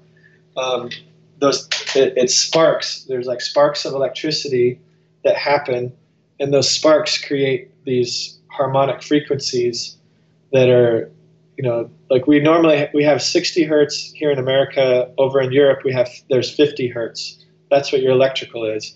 But these harmonic frequencies are riding along that 50 or 60 hertz, and they are in the you know above 50 hertz. So they're like 80 hertz all the way up to like sometimes 10 megahertz. And uh, usually it's in the kilohertz range, though. And so the frequency, like knowing the kilohertz, the megahertz, the whatever hertz doesn't matter. What matters is that it's thousands of these different frequencies that are riding on this line and they're pulsating and they actually penetrate into the body deeper when you're exposed to them. So, what we do to fix those problems is you, there's two things you can do. You can filter it um, as it's coming into the house, or you can block it by blocking the electric field altogether. And so in the bedroom, that's what we do. We, we, per, we, we perfectly shield the bedroom, and uh, we'll do this special shielding paint on the walls applied in a specific way that, um, that has the best results. And uh, And when we do that, it's grounded and we don't have any dirty electricity coming in. We don't have any 50 or 60 hertz coming in. And it's also blocking away the radio frequencies, all the wireless frequencies. So that's like a three for one solution for the bedroom. And then, and then for the windows, we have this shielding fabric that we put over over the, the windows. But then, yeah, so so it blocks as a curtain. It blocks things coming from from outside. So that dirty electricity, I mean, where does it come from? Does it come from any electrical device? Uh, usually, certain types of devices. Uh, you know, if you have solar panels, you'll definitely have dirty electricity. Um, well, I, I, should never say definitely, but like they're renowned. They're renowned. You know, they're renowned for having very creating very high amounts of dirty electricity. I haven't come across one yet that that doesn't.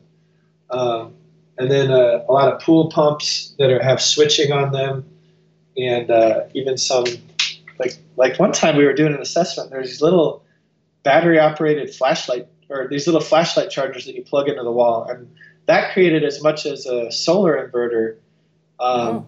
on the whole house system. It was crazy. So there's sometimes there's these little things that just have either some kind of miswired, uh, you know, something's miswired in it, or or there's uh, some kind of issue with it that, that causes a lot of dirty electricity. But then there's also more obvious things like the CFL light bulbs, those fluorescent bulbs. Those create a lot of dirty electricity, as well as dimmer switches. So those things usually, if someone's building a house, we'll say we'll recommend not to get dimmer switches. Um, and then definitely change out the CFL light bulbs. We have a whole home lighting recommendation thing that we that we go through and customize when we do these assessments, and uh, test different bulbs for flickering because different bulbs flicker at different rates, and and uh, that we have technology now where we can get bulbs that don't flicker um, and more mimic the spectrum of the sun outside, which the sun never flickers because it's constant um, direct current light and so we want to try to create the same light environment inside the house as outside. Otherwise, you're throwing your whole circadian rhythm off, and it actually causes a stress response because you're getting this pulsation of light frequencies from from your from overhead that uh, can raise the cortisol levels and cause similar responses to pulsating types of EMF. But if you already have dimmer lights in your home, as long as you're not using them, I mean, they're off, then it's not a problem, or is it? Right. Yeah. As long as you're not using them, they're they're not a problem. Um, so, and if you are using them, just turn it all the way up or all the way down, and it's it's better. In the middle is where it gets really really bad. But any any amount's going to raise the dirty electricity a little bit in the house. So, so the bedrooms we get perfectly shielded from three different types of EMF. But then the rest of the house, what, what, what we do is we'll recommend a whole house filter uh, for the house. That way, you don't have to shield your whole house. Sometimes it's impractical to do that, or it's a huge project that nobody wants to do. But instead, you can get this whole house filter that's installed right at your uh, your circuit box, and uh, it, you just need a two-pole breaker installed by an electrician. Any electrician can install it, and they make them for the United States, and they also make a model for European countries. So it's running off a 240 volt and 50 hertz and all that. So it's just installed at the breaker panel, and then it filters the dirty electricity coming into the house and makes it healthier in your entire house. And it also actually helps save money on uh, electricity because it's also correcting the phases and doing all these other technical things. And uh, and it acts as a surge protector for the home. So if lightning ever strikes, then uh, that device will, or the the the power per, the super power perfect box will. That's what it's called. That will fry instead of your two or three thousand dollar, ten thousand dollar fridge, whatever you have. You know. Now you've been talking a lot about shielding the bedroom, and do you just get that kind of paint and then you paint your bedroom walls with that, or how does it work? Yeah, so you can get the you know, I I've I've like warehouses here where I stock the paint. Actually, ordered from Germany, uh, Ah. to get it to get it here. So it's kind of closer over there to you guys. But um, we we get the paint from Germany, and uh, it's this carbon and graphite based paint, and it is applied to the walls. It's black, so you put this black paint on the walls, and we do two layers, and then there's a specific way that we we apply it to to make it work the best because I've tested all different ways to apply it. It's the way the manufacturer recommends, the way that you know uh, that other people have done it in the past, and I found a way that actually makes it the most effective. Uh, and it doesn't really take that much more time to do it that way. And then it also has to kind of be carefully designed. So you really want a professional who knows what they're doing, who has experience um, with this whole shielding process to be the one that that uh, helps you. And uh, you, you do that, it's grounded, it's blocking three different things. It's blocking the electricity, the dirty electricity, and the radio frequencies. And you're basically wrapping your whole bedroom in earth energy because it's grounded.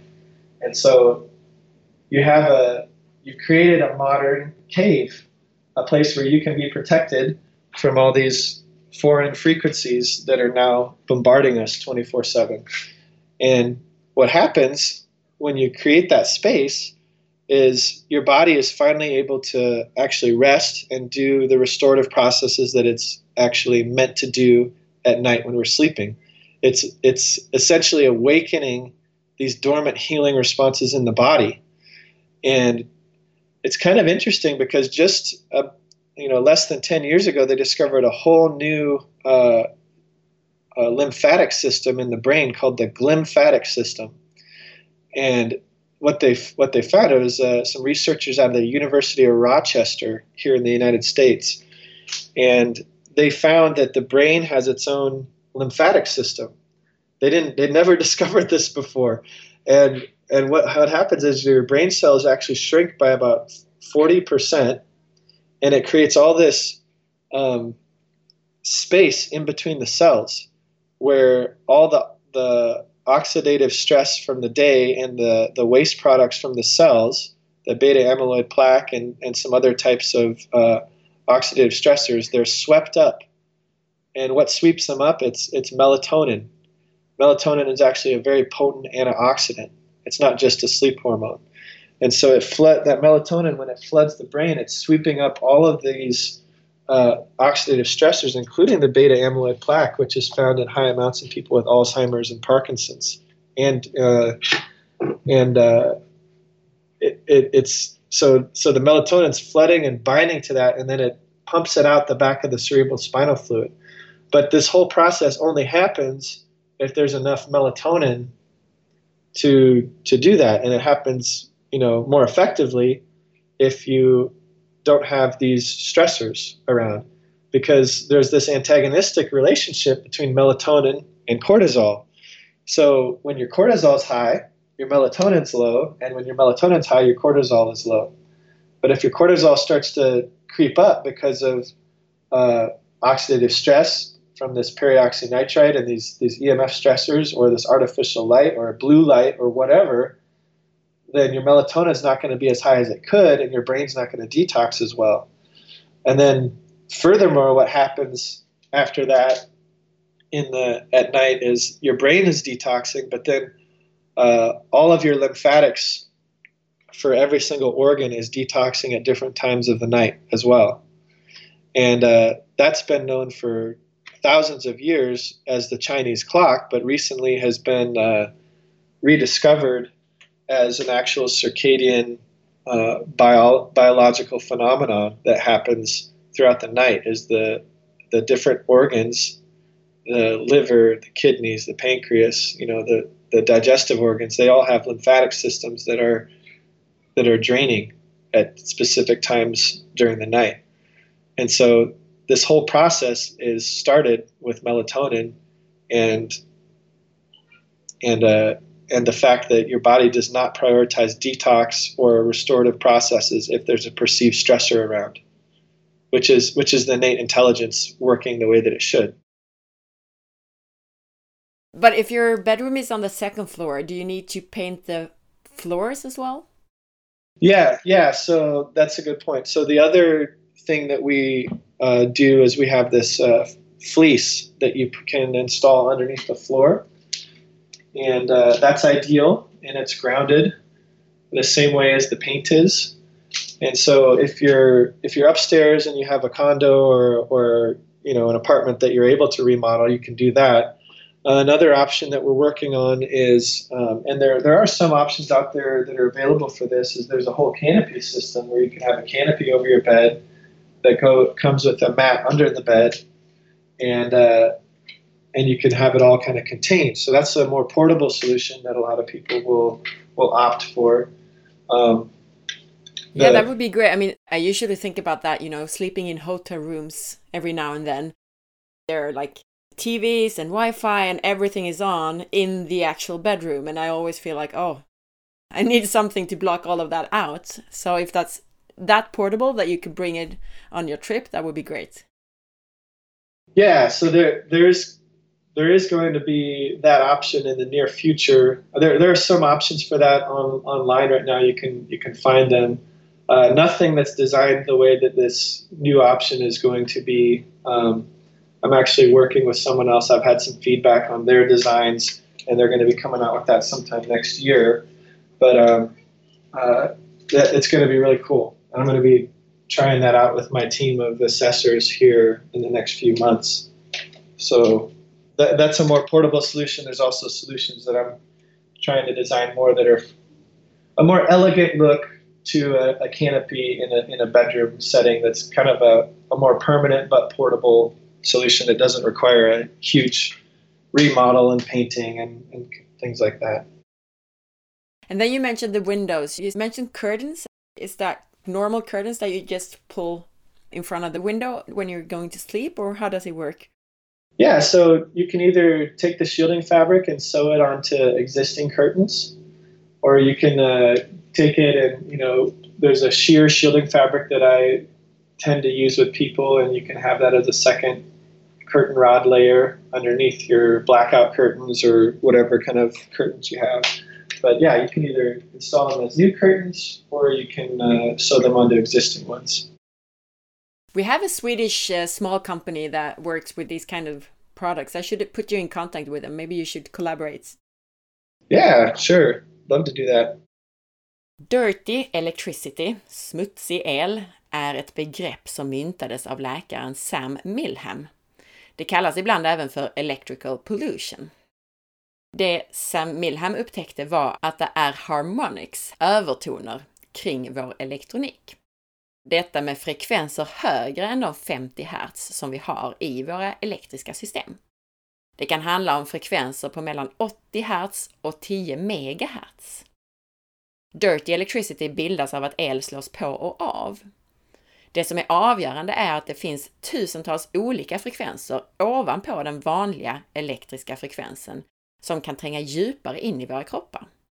Saker som kan skapa extra mycket dirty electricity är solpaneler, fluorescerande ljus, som till exempel lysrör, och dimmers.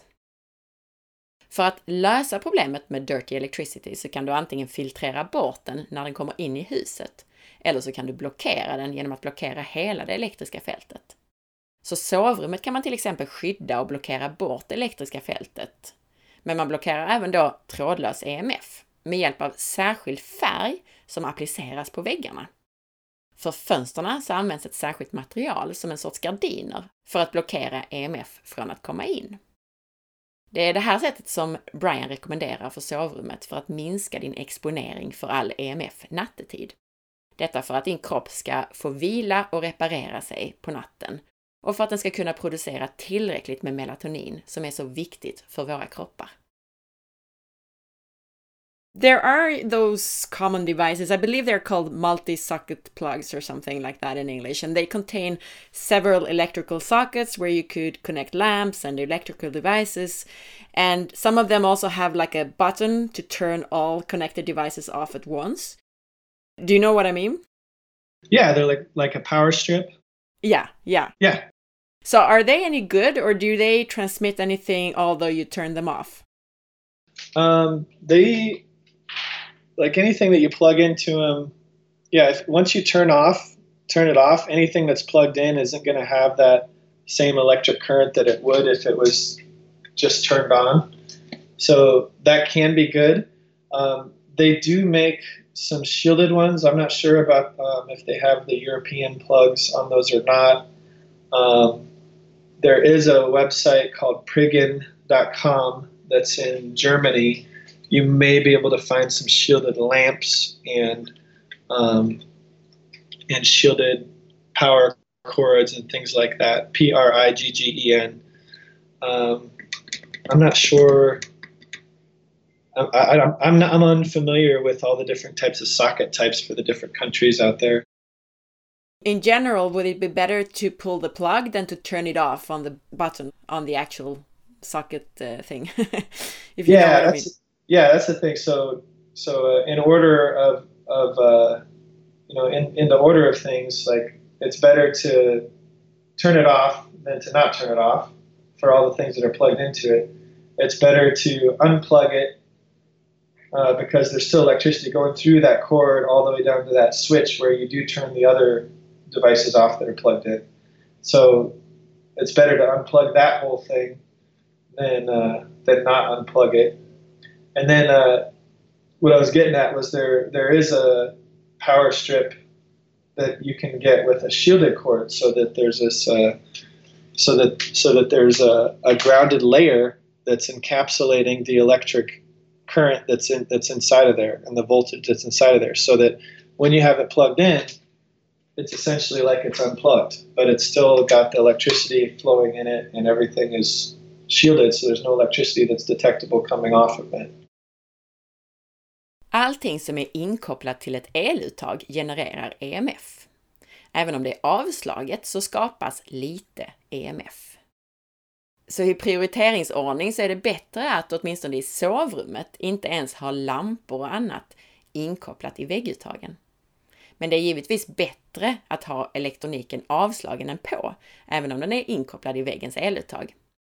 Det finns också särskilt skyddade kablar och lampor och så vidare att använda sig av för att minska EMF-exponeringen. You mentioned that different people react in different ways to different EMF categories. I've learned that EMF may be worse for people with infections or uh, with mold exposure and so on. What do you say about the connection between infections and EMF, for example? Yeah, so any number one, anything that's uh, that's going to cause the body more stress is going to make you more vulnerable to uh, infections. But furthermore, uh, the the pathogens that are inside of us perceive these EMFs as a stressor as well. And so when that happens and they perceive this as a threat, they start to multiply uh, even more so. They go into survival mode.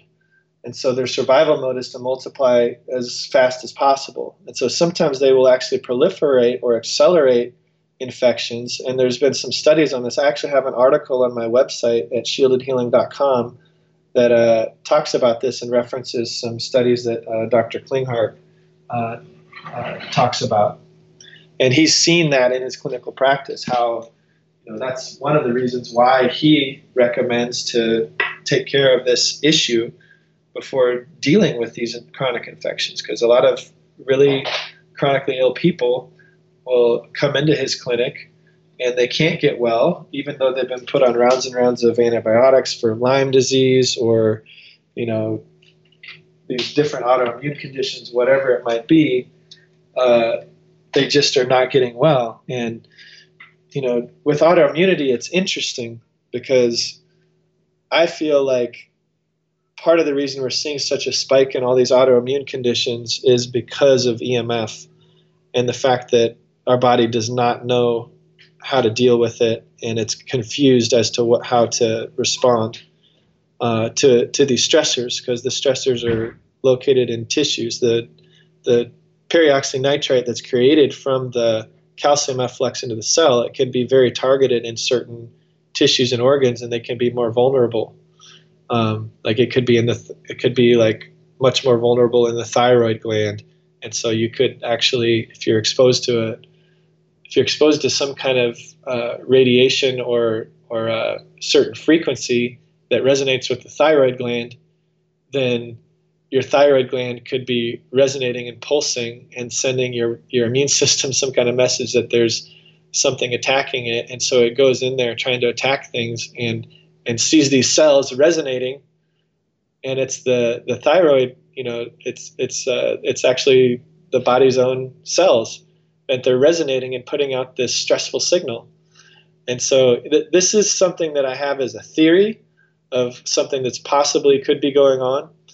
Uh, but I haven't verified that with any studies or anything. So, but it totally makes sense as to you know what I've measured on different objects out here in the larger non-microscopic world with everything resonating, and it makes perfect sense that things even down on that level would be resonating as well. Allt som skapar mer stress för kroppen, såsom EMF, gör kroppen mer sårbar för infektioner. Men en del patogener inuti våra kroppar, såsom olika sjukdomsframkallande mikroorganismer, upplever även de EMF som en stressor. När de upplever det här som ett hot så sätter de igång sin överlevnadsmekanism och förökar sig så snabbt de kan. Och Brian betonar att det finns studier på detta. Personer med infektioner kan alltså må särskilt dåligt av EMF. Brian tror också att det finns en koppling mellan EMF och ökningen av autoimmunitet. Han betonar dock att han baserar det här på egna erfarenheter och mätningar, men inte har sett studier på det. Before I let you go today, we really need to talk about the hot topic right now, which is 5G. So, what do you say about 5G? Well, it definitely is a hot topic. I think that uh, 3G was bad and 4G was bad and 5G is just making it exponentially worse. Um, but I think that there still is a, quite a bit of hype about it, and not much information is known because n- not many people have uh, equipment to measure the technology that they're opening up to use uh, the 5G technology, like the the millimeter waves. Now, I actually did have a millimeter wave meter that I tested in Los Angeles and uh, Austin, Texas, and I think in I don't remember what other place. I think I was in Dallas too. And uh, in I tested in areas where they were supposed to have these millimeter waves, and they simply were not present in those areas. So um, 5G is going to be more saturation of the frequencies that we have. It's just going to be a step up. So like our, our phones right now, they operate about 900 megahertz to 1800 megahertz, and that's a, a lower frequency. Considered a lower frequency in a in a high frequency range. So um, it gives like it's good for talking. For, you can do some video on it, um, but it's choppy, and you can see that if you ever if you ever use uh, FaceTime or whatever um, on the mobile app. Like if you're connected to a tower, FaceTimes can sometimes be very choppy. What they want to do with 5G is make it so that it's not choppy anymore. And in order to do that, they have to increase the bandwidth. And to increase the bandwidth, they have to go up from our phones operating at 900 to 1800, 1900, up to around maybe 2 to 3 gigahertz. Like 2, 2.4 gigahertz is what our Wi Fi operates at. And so we can stream video pretty well through Wi Fi. Um, and then you know our Wi-Fi routers often now have 5.8 gigahertz, which is which is even more bandwidth. So what they're doing with 5G is they're taking the set of frequencies that are that are lower, like 900 megahertz to 1900 megahertz, and they're they want our cell phones to operate on a higher frequency. And then they're doing the same thing with the towers. They want the towers to operate on a higher frequency. Now, the question is are these higher frequencies worse for us? We don't really know that. We know that all of them are, are bad, but they're also, in order, there also the other phenomena that happens is as these frequencies get higher, it's harder for those frequencies to penetrate through solid objects. And that's why like your 2.4 gigahertz Wi-Fi will go much farther than your 5.8 gigahertz but your 5.8 gigahertz is faster when you're when you've got a good signal. So so I haven't heard many people explain this in this way, but in some ways 5G is going to be better, but in other ways it's going to be worse because in order for them to get more uh, or to get reception or get signal to our devices and make them work, they're going to have to put more transmitters in everywhere. But those transmitters will be a little bit easier to block than the current ones that are up everywhere. So, to summarize what you said, it will probably be easier to shield your house from it. But on the other hand, when you have your mobile device in your hand, it's worse for you with 5G than 3G or 4G, for example. Potentially, yeah. It, it like the the physiological effects of the different frequencies. It's it's going to vary from person to person on on what it is. All of, we know that all of it's damaging. It all has similar effects, but we just don't know like there just haven't been enough studies that are that intricate because the, the industry won't even acknowledge that, that it causes a biological effect. So we can't even begin to start measuring, okay, how severe is the biological effect from this frequency versus this frequency? Because they don't even want to admit that any frequency is is harmful. So we can't like science is at a halt as far as that's concerned, and it's it's sad because we we do need to do so many more studies and if we could find safer frequencies or to to use, then that would be exponentially better for for everybody and for for the human race. yeah. Om 5G säger Brian att om 3G och 4G var dåligt så är 5G att göra det exponentiellt mycket värre för oss. Men han betonar också att det är en viss hype kring det och att det baseras på för lite fakta eftersom inte många gjort riktiga mätningar på det. Brian berättar att vår telefonkommunikation och mobiltelefoner idag används på en frekvens mellan 900 och 1800 MHz. Det anses vara en låg frekvens i ett högfrekvensområde.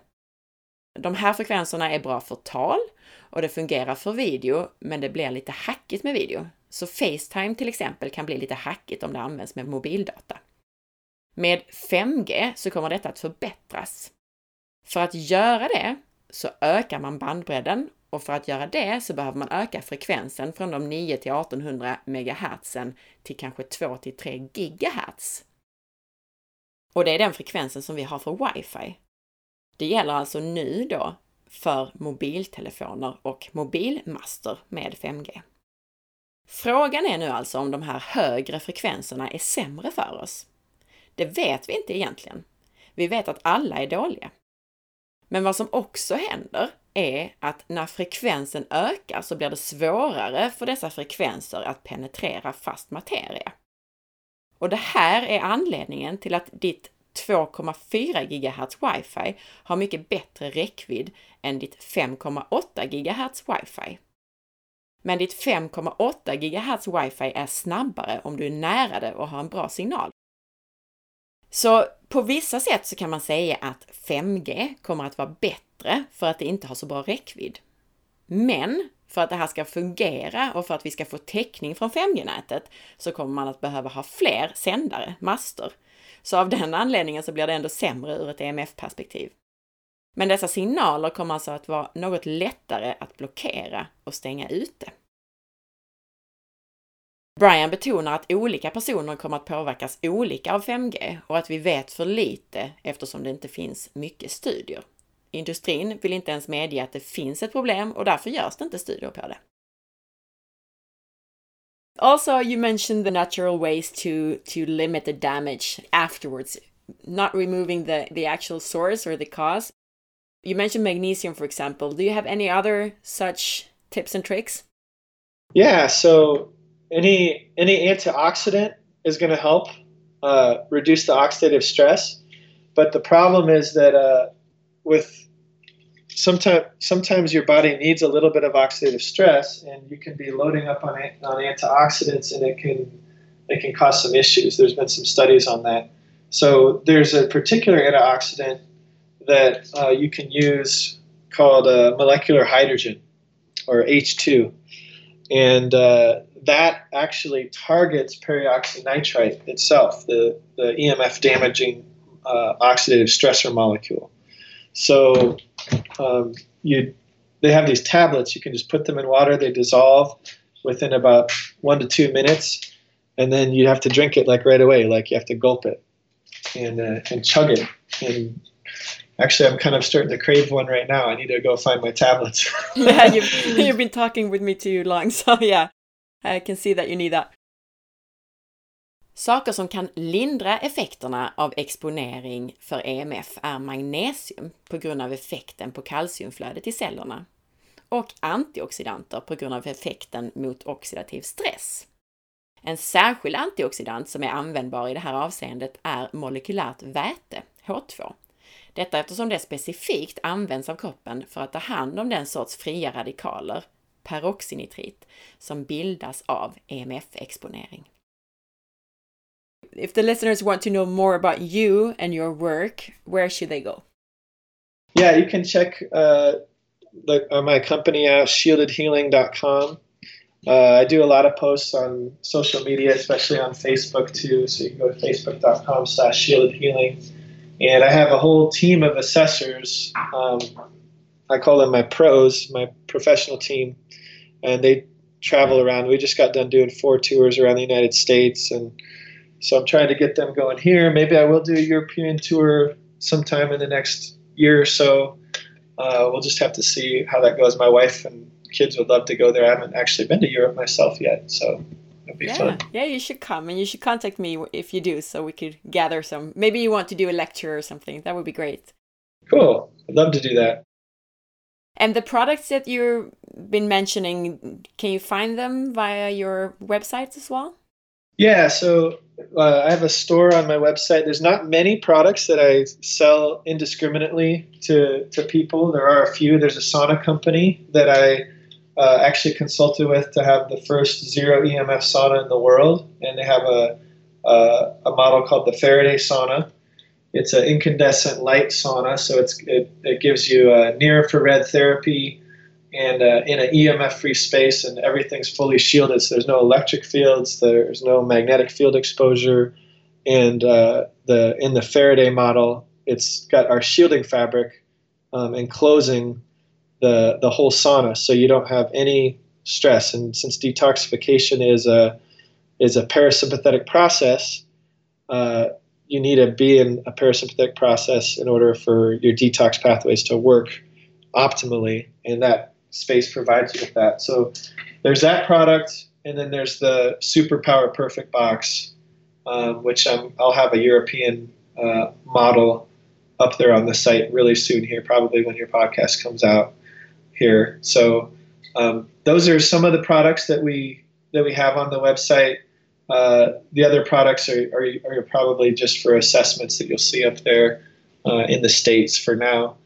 Um, but yeah, those are that's that's where you find them shieldedhealing.com is there anything that you think we missed talking about or anything you would like to summarize? Any tips and tricks that we missed?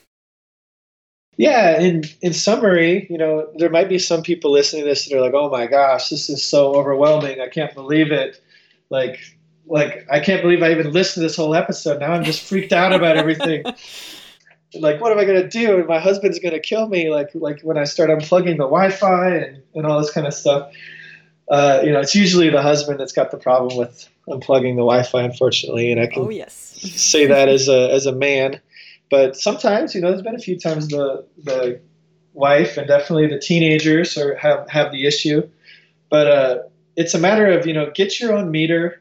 Um, you got to listen to the sounds. We didn't do that on the podcast, but I'll show you. This is what the, the cell phone frequencies sound like. Oh, jeez. Yeah, so it's uh, I, I'm not getting much because I'm in my shielded house, but you can hear a little bit of a radio station, and then you can hear some screeching sounds. Um, it's usually a lot louder. But I'm in my I have my whole house is shielded, so I don't I don't have much in here. We still don't have curtains up yet. So, but you know, it's like 50 times louder when you're not shielded. So like this like when if you can get your own meter that has a sound function, uh, we can put a link in that in your show notes or whatever. Uh, that's really important to just start showing these people that are skeptical of this uh, that hey, this is real. We're constantly being bombarded by this stuff, and it's never been been you know something that humanity's been exposed to before. Uh, you know, 30 years ago, as far as the cell phone frequency goes, and like 100, you know, almost 200 years ago with with electricity, and so get a get a meter, start measuring this yourself, listen to the frequencies, show people that it's real. Uh, that's the thing that's really going to help with the skeptics. But then, you know, beyond all that, what I like to conclude with whenever I do a talk or anything is don't be overwhelmed by this. There are solutions to these problems. Uh, as bad as we've made the world, as toxic as we've made it with all these chemicals and GMOs and, and crazy things that we're doing to our planet, uh, even with the EMF and everything, we have people on our side. People are doing good things in this world, and and we have solutions for for these problems, and we can recreate an ancestral environment, at least in our bedroom, so we can have that resiliency to handle these stressors during the day. And uh, you know, you got to start with the bedroom, and then you prioritize based on the amount of time you're spending in these different places, and also where your body is supposed to be in a relaxed state, in that parasympathetic state. That's where you need to prioritize it. So when you eat, and also where you sleep, and then when you're detoxing, those are the main parasympathetic modes. Uh, that we have uh, for any person of any lifestyle is, is uh, you need to be a parasympathetic mode to do those things. And so those are the most important times to be EMF free. And that's what we focus on in, in my practice and with my company is, is uh, on those, those areas. So don't be overwhelmed. There are solutions. Once you get it done, 100% compliance for your kids, just go sleep in your shielded room and you're protected. Um, it doesn't have to be complicated. It can it's it's easy once once you uh, put the solutions in place and you and you change your lifestyle. Brian Hoyer hittar du via shieldedhealing.com.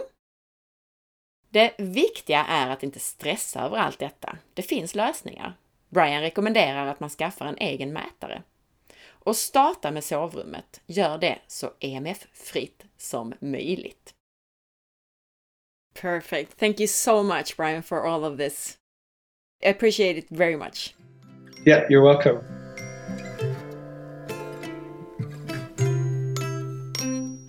Du kan vinna ett surfpaket innehållande en skyddande surffilt och hörlurarna Sound Edition från Happy Ears genom att tipsa andra om det här avsnittet. För att vara med och tävla så behöver du gå till A. Sparre på Instagram i Instagram-inlägget om avsnittet. Tagga de vänner du tycker borde lyssna på det här avsnittet. Och så behöver du följa både A. Sparre och Happy Airs Good Vibes Only på Instagram. Tack för att du lyssnade! Jag hoppas att du gillade den här intervjun. Gjorde du det så dela med dig av avsnittet. Dela på Facebook, tipsa en vän och sprid så att fler får ta del av den här spännande informationen om hur kroppen fungerar. Veckans recension i iTunes är från Mia-Maria B som skriver Den bästa hälsopodd som finns. Den bästa av hälsopoddar. Jag är sjuksköterska och vårdlärare och har många år undervisat om hälsa. Din podd har gjort att jag har fått fördjupad och mycket ny kunskap. Du är så pedagogisk och förmedlar på ett så bra sätt hur vi ska leva för att hålla oss friska. Önskar bara att dina råd kunde sprida sig ännu snabbare. Hoppas att du orkar fortsätta med ditt viktiga arbete. Tack Anna för allt du gör för ett friskare Sverige. Tack snälla du för din recension. Följ med på facebook.com forhealth.se där du kan hitta avsnittsinformationen till det här avsnittet som du kan dela och där du varje dag hittar länkar till nya hälsotips och annat. Följ också mig på Instagram via asparre och titta in på bloggen på forhealth.se. Ha en fantastisk dag! Vi hörs snart igen. Hej då!